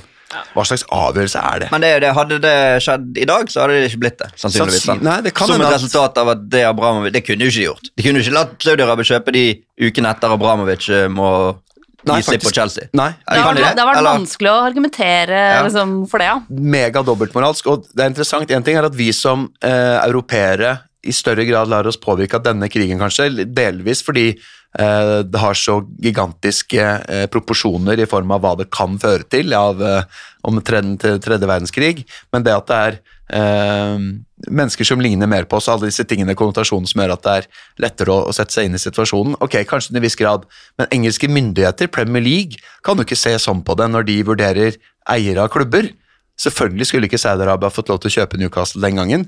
På samme, det er jo minst like jævlig som alle andre av disse her, eh, oligarkkjøpene som nå, når de klarer å hive seg rundt og så raskt slenge på eh, så strenge restriksjoner på disse russiske oligarkene. På, ja, det er ganske korte de beskrivelsene av koblingen til Putin, og noen av de er litt mer flytende. Det er jo ganske imponerende at et samfunn som det britiske, som eh, gjennom nå mange år Abramovic har jo eh, bl.a. sørga for gjennom rettsvesenet å sørge for at man ikke kan få injurerende omtale i britiske medier. Der går jo eh, den britiske lovningen, injurielovningen utrolig langt i å strekke seg hva de kan instruere eh, papir, papiravisene til å skrive. Mens her, bare på noen uker, så snur man seg rundt og legger ned altså helt enorme finansielle restriksjoner på, på den type kobling da, til russiske Og så tror jeg også at eh, Abramovic blir, og Chelsea blir her også et veldig sånn Det tydeligste symbolet på oligarker eh, i England, fordi han er mest kjent. Fordi han er en fotballklubb. Og det gjør at veldig mange flere veit hvem han er, enn andre oligarker som på en måte eier kjedeligere ting enn fotballklubber. Så sånn, hvis du virkelig skal vise at du mener alvor, eh, så er eh, Abramovic det letteste målet å ta fordi han er den som er mest kjent, så det blir en veldig tydelig symboleffekt av det. Og dette gjør de jo like etter, eller i forlengelsen av at man over årtier har lagt til rette for at City of London skal bli en sånn eh, russisk eh, vaskemaskin. Ja, ja, Eh, absolutt. hvor man har gjort alt man kan for å tiltrekke seg disse pengene. Mm. Og det, er, eh, det i utgangspunktet er jo altså eh, superskittent. Jeg bare googlet oligark nå, og da er det bilder av Abramovic. Ikke sant? Det er jo selvfølgelig han er skrevet mest om, da. men på Wikipedia-artikkelen da, det er sånn ni forskjellige bilder. Abramovic er i hvert fall en av de. Vi eh, må nesten videre, og det er, jo, det er jo nesten litt trist at overgangen blir til London Stadium og Westham Aston Villa, der eh, Andrij Jarmolenko står for det som Vi skal jo komme tilbake til rundens øyeblikk seinere, men det var i hvert fall meget sterke bilder, og øh, fine bilder selvfølgelig på et visst sett, men også en, en utrolig sånn trist eh, kontrast til, eh, til alt på en måte det Chelsea-fansen ser på som sine problemer i det hele, eller på en måte den situasjonen de er satt opp i. Så at Jarmolenko skårer mål, er jo fantastisk, men det hvordan, hvordan føler du det, Mina, når du ser han skåre 1-0 der og bare synker sammen, egentlig? Altså, det er eh, Jeg er jo veldig lite grinete av meg. Altså, sånn, jeg, jeg gråter ganske lite. Jeg er ikke veldig lettrørt. Men en av få ting jeg blir rørt av, er jo fotball. Fordi sånn er hun, midt skrudd sammen. Jeg griner i begravelser og av fotball, liksom. Eh, så for meg så er det et veldig veldig sterkt øyeblikk, fordi det viser, altså det, det viser så tydelig eh, det emosjonelle helvetet veldig mange som ukrainere som har familie eh, som de er redde for, som har byer som blir jevna med jorda. Altså det de står i nå, da. Og det blir et sånn veldig tydelig bilde på hvor mye lidelse en sånn meningsløs krig fører med seg. Eh, og hvor eh, Altså, det er så mye um, sorg i det. Det er så mye eh, Det er så mye følelser i det som er på en måte eh, Altså, jeg syns jo det er veldig fint at han viser det åpent, og ikke gjemmer seg bort og er liksom så eh, naken i de følelsene sine. Eh, Og jeg tror jo at vi mennesker er jo skrudd sammen sånn at når man ser en fotballstjerne reagere på den måten, så tror jeg det for mange blir mer virkelig, og det blir nærere. Fordi det er en For mange som kanskje ikke kjenner noen i Ukraina, som kanskje aldri har vært der, som kun har liksom sett det på kartet og ikke har noe særlig mer forhold til det, sånn, så har man et forhold til Jarmolenko. Ikke sant? Mm. Så da blir det mye mer ekte eh, enn en ellers, da. Eh, og så skulle man kanskje ønske at man klarte å ha den samme eh, medfølelsen uavhengig av om folk er kjente eller ikke, men jeg tror det, blir, det gir det litt et ansikt, all, all den lidelsen. Sjøl for Jarmolenko, som jo sitter trygt i London og ikke frykter for sitt liv, men som sikkert har familie, venner, bekjente som han er redd for, som han eh, Ja, eh, sant? Menn på hans alder, menn mellom 18 og 60, får jo ikke lov til å flykte fra Ukraina fordi de eh, enten skal innrulleres eller eh, må holdes i bakhånd eller osv. Menn som, som han. Mm. Eh, så om han hadde spilt fotball hjemme nå, så kanskje Hvem vet hva som hadde foregått? Hva han hadde eh, vært pliktig eller tvunget til å delta i. Eventuelt, Det er jo mange som har reist hjem til Ukraina for å kjempe for landet sitt. Det å se landet sitt fra avstand bli bomba sønder og sammen eh, må jo være en helt eh, uvirkelig situasjon. Og det er en, eh, en fyr som i tillegg jo har slitt utrolig sportslig. liksom Vært liksom en nesten sånn laughingstock i Westham. Eh, fått utrolig mange innhopper. han får liksom ett og to minutt. Eh, knapt nok vært på banen. Dette er hans første scoring i denne sesongen. Det er en viktig score. Altså det, det var så mye som eh, kulminerte i det. da, Så for en som eh, lå småsippa til eh, Kompani Lauritzen-reprise på søndag formiddag, og i tillegg nesten tok til tårene av en uh, Yama Wolasmal-reportasje i Søndagsrevyen i går kveld, som var utrolig sterk, med to ukrainske kvinner som han intervjua der nede. Så Nei, det var helt massivt, altså. Rett og slett. Han ehm, jeg tror ikke, jeg vet ikke om han hadde rukket å tenke gjennom han hadde så lenge siden han skåra mål, at uh, hvordan kommer jeg til å reagere ved en scoring? Og kanskje det satte i gang allerede da han kom inn og ble bytta inn, for da var det jo en jubel som var helt, uh, helt vanvittig, og en helt annen uh, måte han ble tatt imot enn hva han vanligvis blir tatt imot eh, når han byttes inn, da, for det har på en måte ikke vært det helt store. Men nå eh, følte han eh, kjærlighet fra 60 000 mennesker, og Ja, for det var alle. Det var til og med Villa-fansen. Altså, de klappet for målet hans også, fra, fra bortesvingen der. Så ja, det var stort. ah, shit, det er heftig. Nei, det, det er rundens øyeblikk. Vi kan egentlig bare kåre Ja, den allerede nå. trenger ikke, ta, trenger ikke gå inn på den etterpå. Eh, 1-0-mål og en kamp Westham vinner 2-1 for Nals, og Jacob Ramsey reduserer. Han blir god, tror jeg. Eller han er allerede Ja. god, men han kommer til å bli veldig god, tror jeg. Så. Og eh, Han hadde jo en veldig målform en periode der, men så la de jo om formasjonen litt grann i midtbaneleddet for å få det til å passe med Ings, Watkins, Coutinho.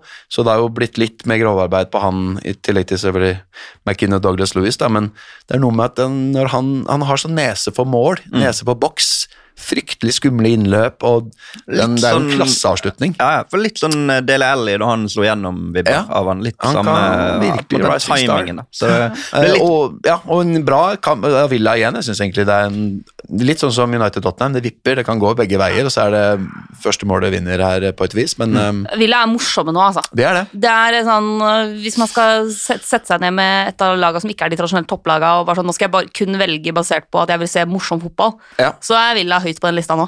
Og Tre Steven Gerrard virkelig, denne, virkelig fått dreis på dem. Og nå, for Arsenals del, eh, møter Liverpool på onsdag, og så Villa igjen til helga. Det er ja. to virkelig fine tester mot uh, to av de store formlagene. Absolutt. Vi runder av med et lite quiz-spørsmål på denne kampen. Jamolenko skåret sitt åttende mål i Premier League.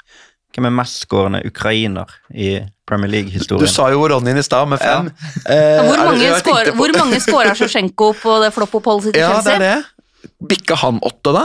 Det er ikke sikkert det var så mye mer enn det. Altså, han var jo ikke så lenge der før han kom tilbake igjen til Milan. Han spilte 48 Premier League-kamper. Jeg tipper han skåra sånn sju-åtte-ni Ja, han mål. må ha skåret ja. Han skåret 9. ja, Ja, ikke ikke sant? sant? Ja. Men er det mest? Det er er det en annen, er det en annen Premier League-flopp? er det noe vi har glemt nå? En annen Sjevtsjenko, spisspartner. Rebrov i, i Spurs bikka vel, han var jo der lenger.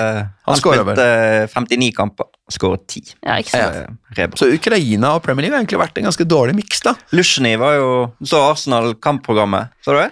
At han var, sto på kampprogrammet nå i helgen som nummer 22. Det var en fin gjest. Men vi skal komme tilbake Veldig. til Arsenal etterpå.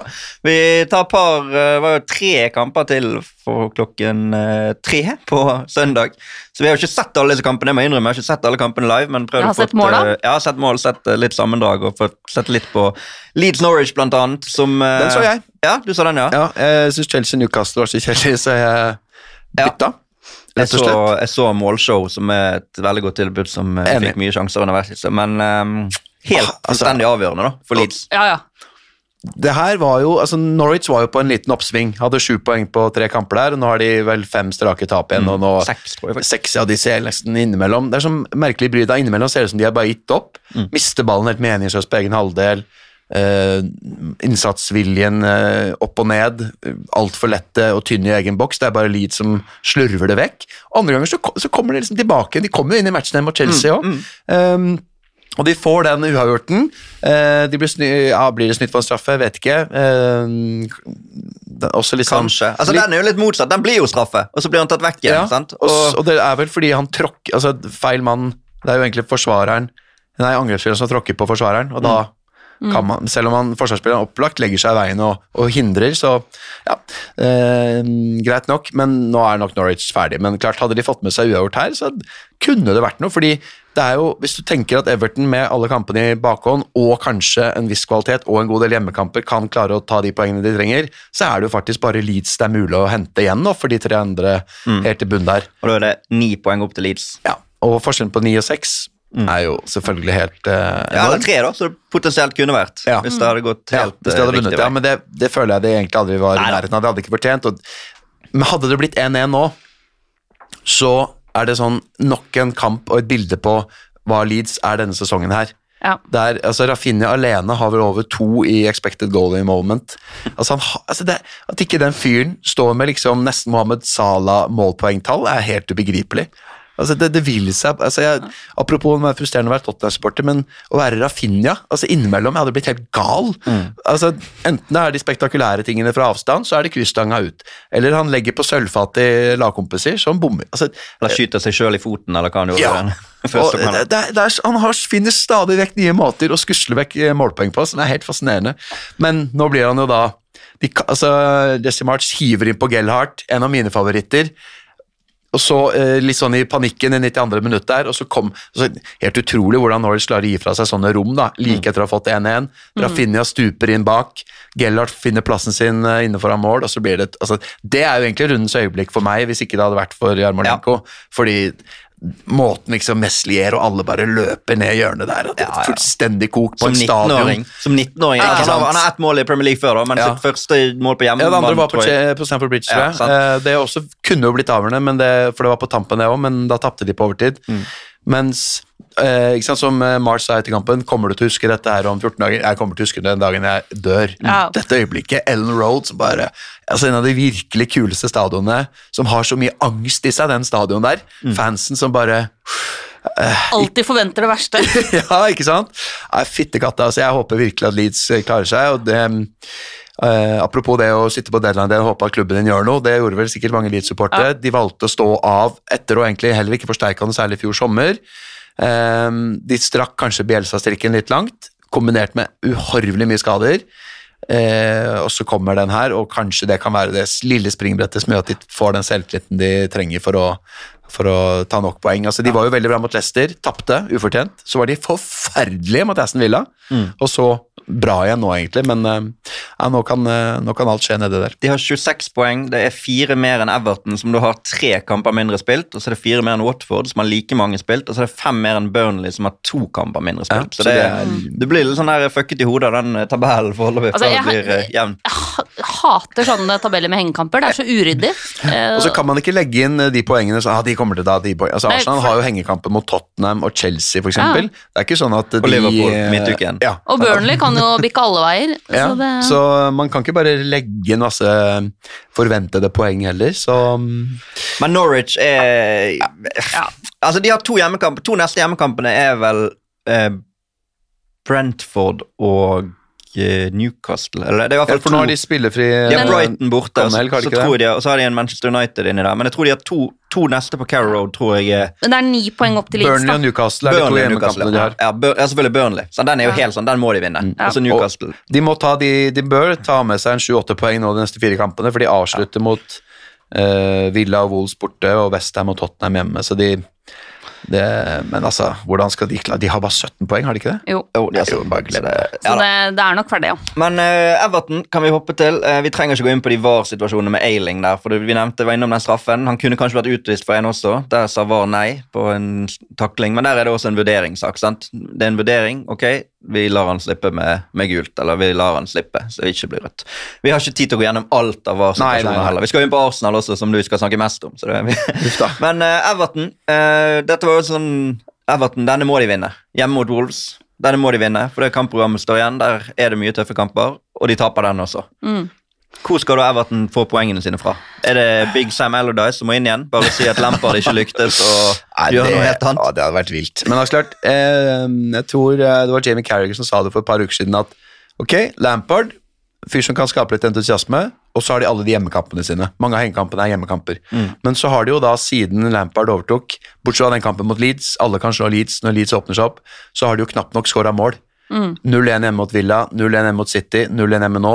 Ja, de er jo ikke ute av det i disse kampene, faktisk, men den goodisen-rammen har jo man heller ikke klart å lage, som gjør at man eh, drar til og vinner, vinner de kampene de så absolutt trenger. Men apropos nøkkelkamper framover, Newcastle hjemme nå på torsdag. Meget godtgående Newcastle, som viser en eh, kjempeinnsats på Stamper Bridge. Jeg, så UB der jeg ville hatt det som utgangstips, fordi De, de møter jo både Newcastle og Watford nå Ja, De har tre kamper til gode, og de har interne kamper mot et par av de lagene som er nede i bunnen der. Men de må de vinne. Altså, Ja, de, for de enda Watford-kampen er vel ikke satt noe dato for ennå. Men når det begynner å bli april og mai, så skal de borte mot Westham, de skal ha Manchester United hjemme, de skal borte, mot mot, Liverpool. Liverpool, de skal hjemme mot Chelsea. og Så så borte mot Leicester borte mot Leicester, borte- altså det, det er så mange kamper, du, du kan nesten tenke null. da. At det er null poeng som er det mest sannsynlige resultatet. Så det er klart at ting skjer jo, uforutsette ting skjer, men, men det, det ser ikke bra ut for Everton. altså. Det gjør det ikke. Nei, det er helt vilt. Og tenk hvilken vanvittig skrell det vil være hvis de rykker ned. Mm. Altså, Tenk deg hvilken gigantisk katastrofe for den tradisjonsrike klubben som har hatt egentlig en eier som har pøst inn så mye penger nå. Ja, um, egentlig også gjort en del sånn fornuftige managersigneringer på et vis. Altså hentet fra høy, høy Ja, ja. Altså Angelotte, liksom. Ja! Som nå sto for en eh, knapp halv uke siden og var med på det comebacket mot PSG på Santiago Bernabeu. Han var liksom, fikk ikke dreis på det Everton-greiene. Ja, pengebruken kanskje vært helt eh, fjollete, eh, kjøpt feil, bomma på så mye, men allikevel så syns jeg Hva er det man skal sette fingeren på? Hvorfor har det gått så gærent? Det, det så det er svinget jo- De kjøpte jo en av sesongens kjøp, er jo DeMario Gray for Ja, høst pund, for om at. Rafa Benitez under, eller DeMario Gray under Rafa Benitez i Everton kunne bli liksom det nye store. Benitez var jo nominert til månedens manager. var ikke han i august der? Han og Nuno og de Ja, andre først- som har ja, ja, fått sparken. ja, ja. Så, og det var jo på, samme måte i fjor høst. Ancelotti og Everton. Nå skulle de endelig ta steget. Sånn. Nei, det, er- det er trist og merkelig. Uh, Wolves, uh, Conor Cody, tre ligamål Ja. denne sesongen. Før denne sesongen så var hans tre forrige ligamål i mars 2021, april 2018 og januar 2015.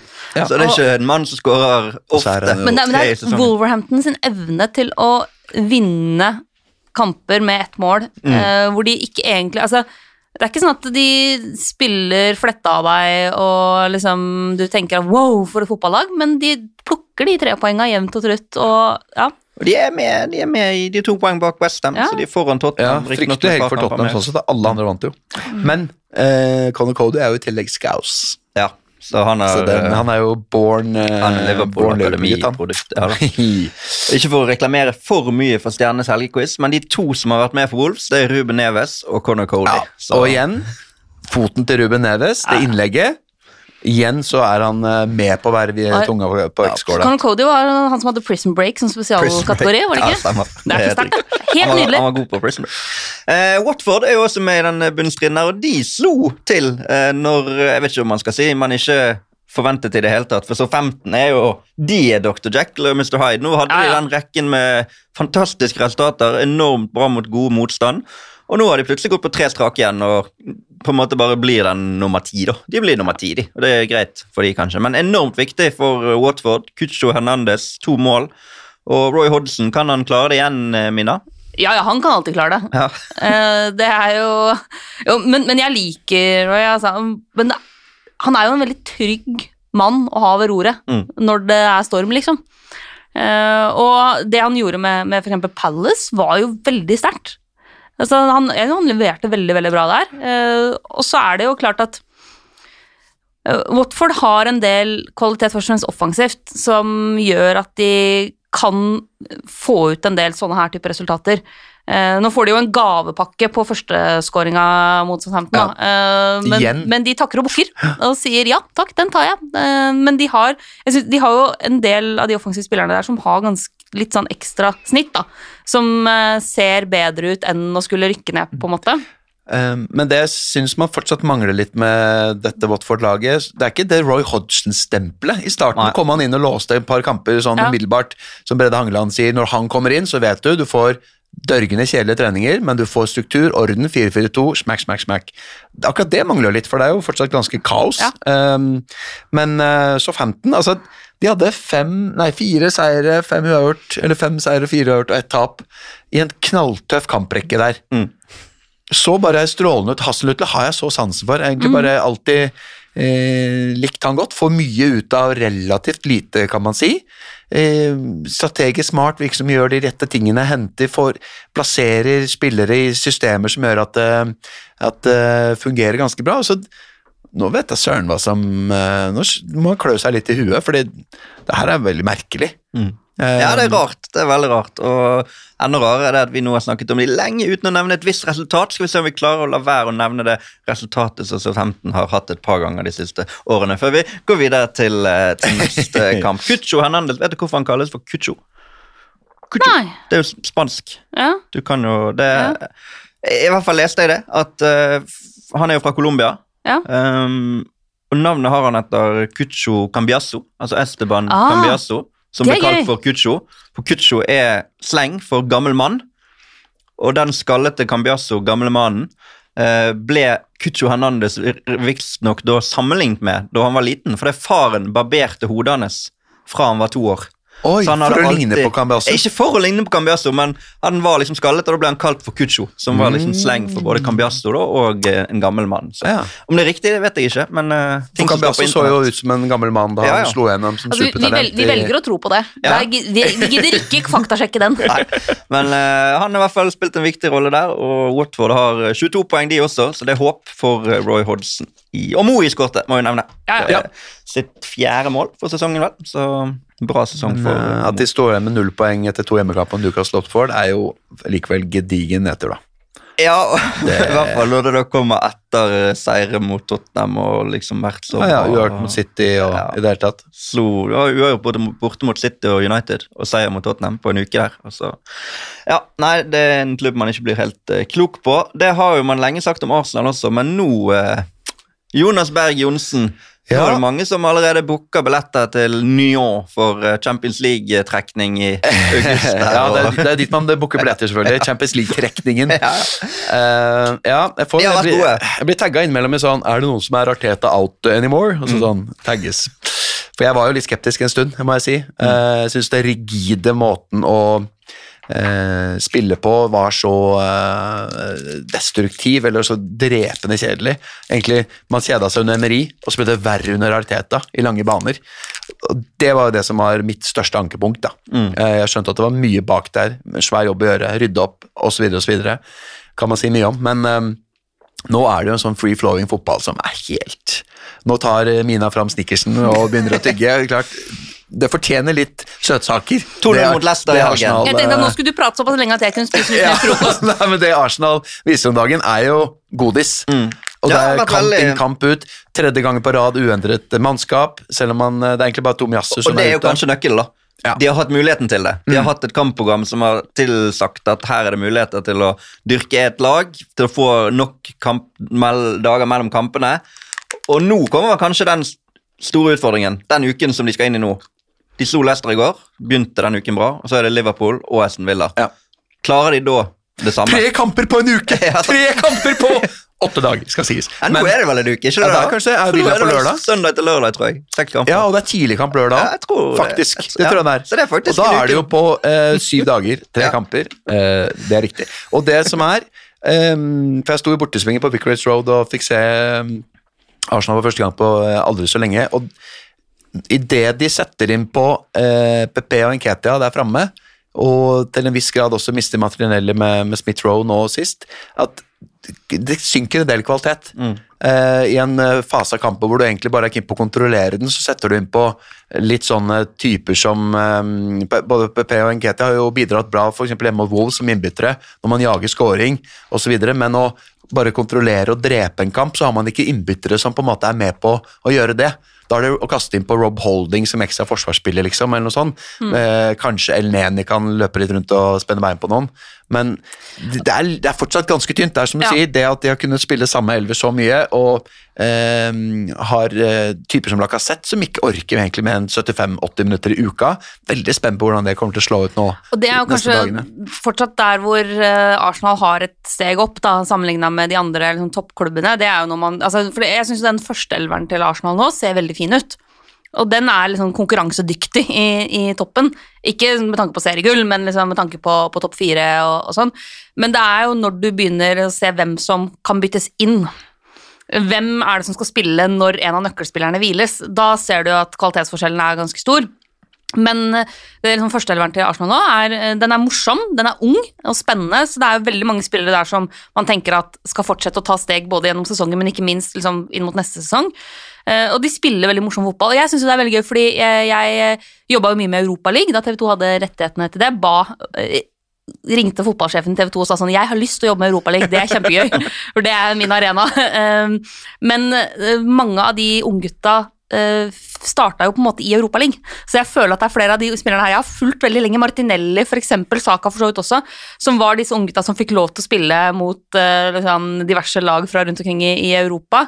Så jeg syns det er så veldig gøy å se at det er flere av de som nå virkelig har tatt steget, og som er eh, mer enn gode nok til å spille for ikke bare sånn Arsenal har vært de siste åra, men også som på en måte er Arsenal-kaliber, hvis vi skal tenke litt mer eh, der man mener Arsenal bør høre hjemme. da. Så har du den kanskje beste av de, eller det som mange trodde skulle bli den beste av i hvert fall, som fikk drakt nummer ti før sesongen. og kom til spørsmål der til det, Jonas, fotballmeninger spør, syns du Emil Smith-Roe burde få en plass fremme, og eventuelt hvem skal han bytte med? For han er jo den som ikke spiller nå. Ja, det er jo det. Eh, litt helseårsaker, da. Både Mm, ja skade og vært ute på ny igjen, så det har på en måte sånn sett har mm, eh, Det andre gjennombruddet til Martinelli kommet på et perfekt tidspunkt, og han har rett og slett slitt med å komme seg inn igjen på laget.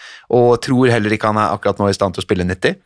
Så Men jeg mener jo at i et Altså, Han må finnes plass til på et eller annet vis. Jeg elsker Emil Smith-Roe. Eh, samtidig så er det noe med de utfyllende kvalitetene i den framre fireren der nå som er helt nesten helt hånd i hanske. Eh, måten Lacassette gjør sin jobb, Martinelli med sin gjennombruddskraft, Saka, Ødegaard Martin er jo den viktigste av dem utpå der, plutselig. Ja, han ble vel helt- trukket frem nå for tredje gang på rad som Ja, banens beste. Helt utrolig. Altså, og det var så gøy å se han live på sitt beste. Aldri sett han så god nesten sånn siden Strømsgodset-dagen. Altså, sånn i måten han bare eier kampen.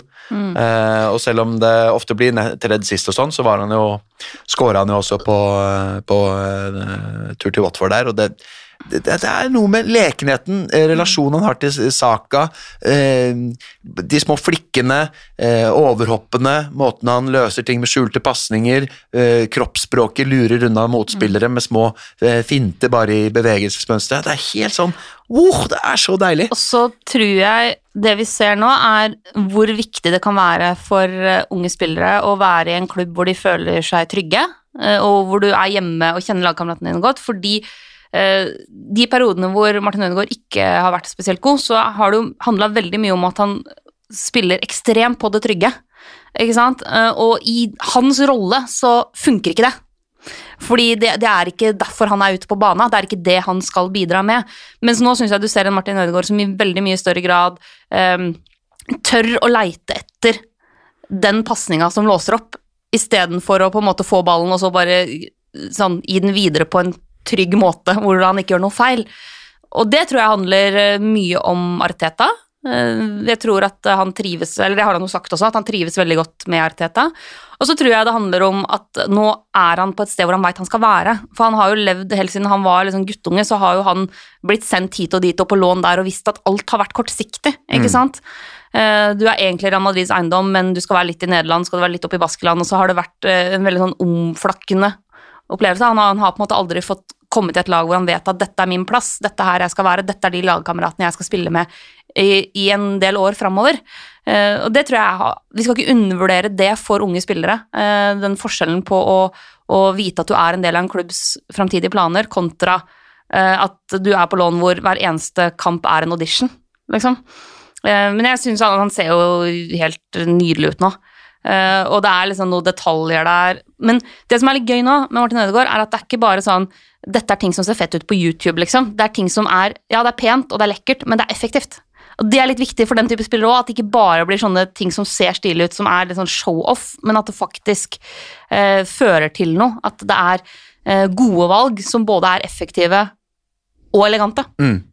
Åh, shit, det er deilig. Og det eh, jeg lurer på nå, er liksom hvor kan det ende med dette mannskapet her? Fordi eh, at de er så unge er jo, er jo bra, men det er så mange typer. Mm. Kiernan Tierney, eh, Ramsdale, White, eh, Snåle Tomiyasu, liksom. Selv Cedric gjør jo en ganske bra jobb nå som eh, cover på høyre back. eh, Party, som eh, kanskje har en av sine nok en altså den beste, definitivt beste perioden han har i Arsenal-drakt. Da kommer skaden snart. Ja, det er det. Bank i bordet. Eh, og, og den framre gjengen der. Det er jo en usikkerhet rundt spissplassen som er eh, veldig åpen før neste sesong. Hva skjer?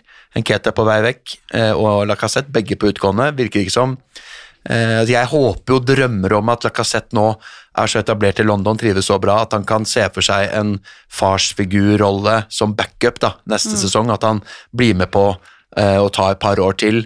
Um, kontra det å dra det videre til en eller annen klubb hvor han sikkert blir mer sentral. Da, fordi målet var jo, må jo være å få inn en spiss som er bedre, yngre og som ikke minst skårer med mål, fordi det er litt av problemet. Men eh, ikke undervurder hans vanvittig fine eh, bidrag i den gruppa og den, eh, det laget der, sånn som det ser ut nå, selv om ikke det skåres så mye mål. Begynte, introduserte med det til Champions League. Er det på en måte, er det Arsenal som skal inn der nå? Og de har tre kamper til gode, Ja. men de er da borte mot Chelsea, borte mot Tottenham, og så er det nå i midtuken hjemme mot Liverpool. Og så skal de også møte Manchester United. De skal vel borte mot Westham. De har spilt mot ett topp ti-lag i 2022. Ja. Så det er Wolves, og de vant jo, riktignok. Så de har, de har en del kamper her som gjenstår. som Det er ikke bare å tenke ok, du kan legge på ni poeng og si at Arsenal har 60. Sant? Virkelig ikke. Men det er Men, men, men det er jo fordelen med å møte de lagene, er Ja. at så lenge du unngår å tape de, så, så styrer du din egen skjebne. da. Mm, Så, det, er, det er et liksom tvega sverd, det å Ja. skulle møte dine, flere av dine direkte konkurrenter. Eh, det, men det blir jo herlighet for noen kamper det blir. Men sant, tap, skulle de nå tape mot Liverpool, som ikke er veldig usannsynlig, og samtidig merke at det blir kort tid til den kampen mot Aston Villa eh, lørdag formiddag, for det er vel borte mot Villa, ikke det? Ja. Det er ikke en veldig altså, Det er Det kan være null poeng, det. Ja, Men det kan jo selvfølgelig også være fire eller seks. Og da er jo de, Klarer de fire poeng denne uken, så tenker jeg at da er det på en måte nesten sånn at nå, nå er det fordi up to them to lose it, eller hva Ja, du kaller det for. Men Får- Får de med seg tre-fire poeng nå, de to neste. Eh, og da handler det egentlig om å ikke tape mot Tottenham og ikke tape mot Ja. United, nesten, fordi da vil det være eh, såpass med poeng. Og de har en del eng brukbart enkle kamper også igjen. Et, Mm. Rekka etter Villa er jo Palace, Brighton, Southampton, og så kommer United Westham. Ja. Og så er det Leeds hjemme, Newcastle borte, Everton hjemme. Så på en eller annen merkelig måte så har de jo, selv om de har spilt på mange eh, lag Ja. på nedre halvdel de siste eh, seks-åtte ukene, så har de jo fortsatt en del av de igjen også. Så det er disse hengekampene som har blitt flytta vekk, som har gjort at kanskje den rekka på nå elleve kamper Eneste tapet er den eh, hjemme mot City, som jeg jo mener nesten er den beste kampen de har spilt, fram til det røde kortet, fram til Uh, ja, igjen straffehendelser, da, både at Martin ikke fikk, og at uh, City fikk på sin uh, etter mye fram og tilbake. Det satte jo, ødela jo den matchen, men det er egentlig nesten det aller beste bildet på at man klarer å matche de aller beste. Jeg syns man var bedre enn Manchester City. Og man holdt også unna med ti mann veldig lenge. Fortjente å egentlig få med seg poenget mm, hele veien inn der. Så det er det eneste tapet, da, siden i høst hvor Altså Det er helt utrolig å tenke på. Det var jo borte mot Everton, blant annet, Mm. hvor man ble litt sånn rent i senk og var svake. Tapte også Paul Trafford eh, i den perioden der. Og det virker utrolig lenge siden, altså. Det har skjedd eh, en oppsving som er eh, Nei, det ser, det ser veldig veldig bra ut. jeg må så- si, jeg, jeg så ikke at den skulle komme så kjapt og så voldsomt og på så mange måter Nei. være tilfredsstillende. Det er eh, Så det, det blir spennende å se om det på en måte er kampprogrammet som har gjort at det har vært uh, mulig å få det til, eller om de nå er kvalitativt så gode at de faktisk cruiser helt inn. For det kan hende de er. Men det kan også hende at de får en litt sånn wake-up call, og nå hvis de går Ja. på et par tap og går inn i disse hengekampene mot Chelsea og Tottenham med, med en litt mindre ukuelig optimisme, Ja. så, så er jo det en moralsk test også, en litt sånn karaktertest på den unge spillergruppen på hvordan det, det kommer til å gå. Men jeg, jeg tror jo at det kan, kommer til å gå bra for Arsenal. Det ser jo veldig bra ut nå, men det, men det er litt enkelt å si at ok, siden de har tre kamper mindre spilt, så, så har de full kontroll. For de tre kampene er mot veldig gode, og gode det som er litt skummelt med det, er at de tre kampene er at jeg tenker at man har eh, los på Chelsea òg. Ja. Selv om ikke det er så mye Det er ikke så stor forskjell på å bli nummer tre og fire, men det er jo en sånn ah, Derfor det var litt bittert at Chelsea dro med seg nå i helga. Ja da, men samtidig kan det være litt sånn gulrot i seg sjøl, at du går inn i en Chelsea-kamp og kanskje kan gå forbi dem på tabellen. Sant? Men ja, nei, det blir, det blir spennende å se fremover. I kveld er det Pelles Manchester City.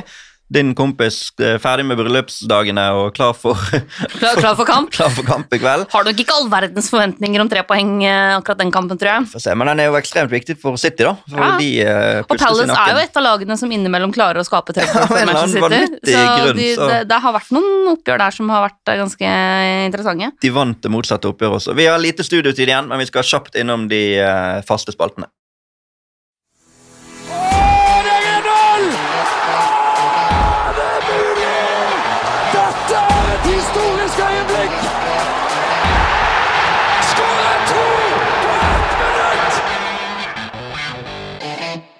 Vi eh, kan jo så begynne med rundens øyeblikk. Det har vi vel egentlig kvittert ut med Jarmolenko.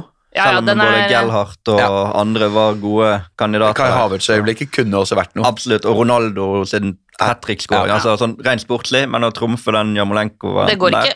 Det går ikke. Mohammed Ibrahim skriver også det. Rundens øyeblikk, skåring slash feiringen til Jarmolenko. Han skriver øyeblikk må jo være Jarmolenko, og det, det kan vi være enig i. Um, rundens eh, kaktus, da. Har vi noen forslag der? Vi har ikke vært innom noen sånne annet enn uh, Chelsea-supporterne som uh, synger under ett minutts stillhet, men det var vel Det ikke var også- forrige- Det var Det var Road, ikke sant? Mm. Så nei, jeg kan ikke si jeg fikk med seg mange Vi har jo et forslag, eller Daniel Hylland har egentlig skrevet to ting til oss. Er vel den faste kaktusen til VAR? Blir tradisjon det, men vi kan vel heller gi den til de mennene som bruker VAR. Systemet er jo genialt om de hadde klart å bruke det som det er tenkt. Ja, Ja, jeg er med på Forhåpentligvis blir det kursing på dommerteamet i sommer. Og så nevner han også Christian Romero, som Ja. fikk eh, kaktus av Morten Langli i hvert fall i studio etter den eh, hunsingen av Harry Maguires selvmål når han er oppe i trynet på han der. Der skriver Daniel Hylland til oss eh, Hadde det vært Jamie Vardy, hadde folk elsket det. Vi fotballsupportere er hyklere. Når Kane konstruerer straffe med å legge igjen en fot og få straffe, er han smart. Sala, Bruno osv. er juksemakere for det samme. Og det er klart at søramerikanske Romero som gjør det eh, kanskje litt lettere å arrestere for enn en fyr som vi elsker for shithouse. Og som bare har vinnermentalitet. ja, men jeg er, jo enig, jeg er jo enig med Morten. Altså, det er jo ufordragelig å Ja, ja. gjøre det. Det er jo Ja, ingen ja. tvil om. Men uh, jeg liker det litt òg, jeg. Og så blir det litt karma når han da mister markeringen. Men det er lettere å være engelsk i alle sånne situasjoner. Ja. Eh, så Men den folkene bak var, jeg kan være med på den. Ja. Det er en grei de som uh, ikke evner å håndtere det eh, flotte verktøyet var. Ja. Blomst, har vi noe forslag der til eh, den positive veksten i plantefloraen? Tja eh, altså Jarmolenko kunne jo få blomster også, men han har blitt eh, rundens øyeblikk, så Blomst er jeg fullstendig glemt å tenke på, så der har jeg ingen. Der er jeg helt blank. Martin Ødegaard i sitt livsform. Ja, kanskje han skulle få litt blomster. Det er jo et realistisk scenario. Han går det faktisk an å gi blomster til. De skal jo, skal jo til Ullevål neste uke, så det. jeg ser Ja, ja, her er blomsten fra PL-podkasten. Rilas har vel også møtt ham et par ganger i det siste, så Christian Eriksen. Ja, Ja, han kanskje det, ja. Fortjener blomster hver uke. En blomst av en nazist. ja. Perfekt. Jeg syns den er verdt eh, noen roser, jeg. Hvis du Nei, jeg skal ikke Bare glem det. De som hørte det, hørte det kanskje. Men eh, du, du sa helt riktig, det bare kunne hørtes ut som du sa noe annet. Men hvis man hører på det, så hører man det, og hvis ikke, så lar vi det bare ligge. Eh, vi går til eh, Nei, ukjent helt. Ukjent, eller uforventet helt, som vi vel har omdøpt det til. Eh, for det ukjente, det er veldig få spillere i Premier League som er ukjente. Ja, og det vel, han, vel, han har vel, basert på antall minutter han har spilt, så har vel egentlig også Gellhardt markert seg såpass mye, både med tilstedeværelse, væremåte, en scoring før og eh, en sånn energi som er lett å legge merke til. Men han er for meg, i og med at han misser ut på Jarmolenko eh, rundens øyeblikk, så er det litt sånn ukjent helt. Han, og han slenges liksom bare innpå der, på overtida og overtida, etter 1-1, i panikk. Og redder tre enormt viktige poeng. Ja, bare, så jeg er med på den. Han har kun to PL-kamper fra start. Han har vel 13 totalt, eller noe sånt med 11 innbyttere. Så Fotballmeninger skrev til oss på Twitter var enig i det. Eller så kom det også et innspill fra Torbjørn Rosvold, uforventet helt. Thomas Party, skåring, skaffer straffe og banker skudd i metallet. Generelt Arsenals mest målfarlige spiller mot Leicester. Sjukt nok. Så det er uforventet. Det er. Ikke spesielt ukjent, men det er veldig, eh, det er veldig gledelig. det, er det. Ehm, Espen har jo lansert sånn spådom. At alle skal komme med en sånn litt sånn en spådom eh, ut ifra hva som helst. Det kan være eksempel at Ronaldo blir toppskårer, kan man si nå, da. Som, eh, Ja, være en, eller det kan være at Arsenal ikke blir topp fire, eller at Arsenal blir topp tre, eller sant? Um, noe i den må det ha noe med ta Nei, jeg, jeg tenker spådom. Haaland til City, Salah til PSG og Mbappé til Real Madrid. Det er noe Dortmund sitter dårlig igjen med. Da må de få, må, for, at domino, eller for at den skal funke, så må Dortmund få inn en eller annen Jeg så ikke de han fra Napoli, da? Eller hvem- hvem er det de er på jakt etter? Hvem sa du? du du? skal lage den der sirkelen Ja. for, komplett. Ja, Ja. Um, City må ut en, da, som uh, går ja. Og Liverpool må jo Eller de har kanskje allerede henta sin. Jeg glemmer det, men greit. Påstand eh, Raheem. Sterling tilbake igjen til Liverpool. Nei, og, nei jeg vet ikke. jeg går for Everton rykker ned. Ja, Det sa jeg faktisk for et par måneder siden, Ja. på, i tilsvarende Wow, spalte. det er sterkt. Så- Det er ekstremt sterkt. Mm, men For å ikke si det nå er jo litt sånn Ja. um, at det, det kan faktisk uh, skje. Det kan skje. Men det kunne jo ikke skje for et par måneder siden. Nei da, Wow. det kunne. Eh, min spådom blir at jeg kommer til å få litt dritt når jeg eh, lanserer min Stjernes helgequiz med Eddie Howe, og det er god stemning. Og at ikke jeg spør han noen kritiske spørsmål om uh, regimet i Saudi-Arabia. Ja, okay.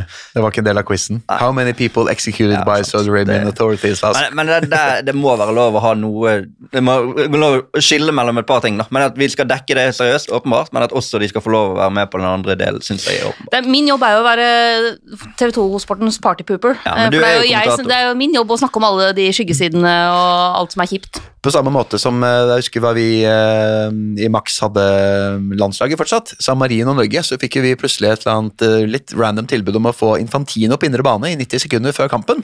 Ja. Uh, og da var det jo sånn Ok, eh, ja, vi må vel kanskje takke ja til det, men hva skal vi bruke de 90 sekundene på? Han var der bare for noe sånn var vel litt på en sånn turné rundt i Europa å valgte seg ut en liten kamp i et land. Han bare skulle sikkert ha en stemme på neste Fifa-kongress, hva vet jeg.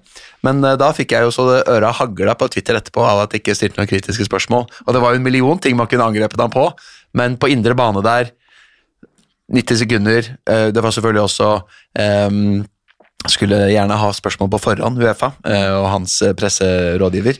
Men da oss, kom også kritikken fykende. Og det er jo litt sånn ok, tid og sted.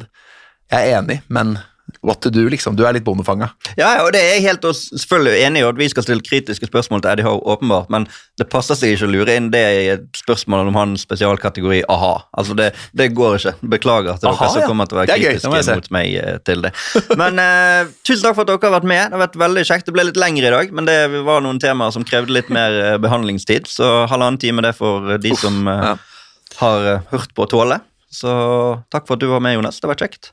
Takk for at jeg fikk komme. Og takk for at du steppet inn, eh, Mina. Det er ikke sikkert Magnus Devold hadde vært like inngående på den Nei, det er Chelsea-Newcastle-eiersiden. sant. Eh, Men han hadde vært morsommere enn meg, da. Nei, men jeg synes det var Vi ler jo jo når vi sitter her og ler. Det er jo kjempe, kjempekjekt. Og tusen takk til Moderne Media som eh, har fasilitert for oss, og til dere som hører på. Fortsett med det, og vi snakkes!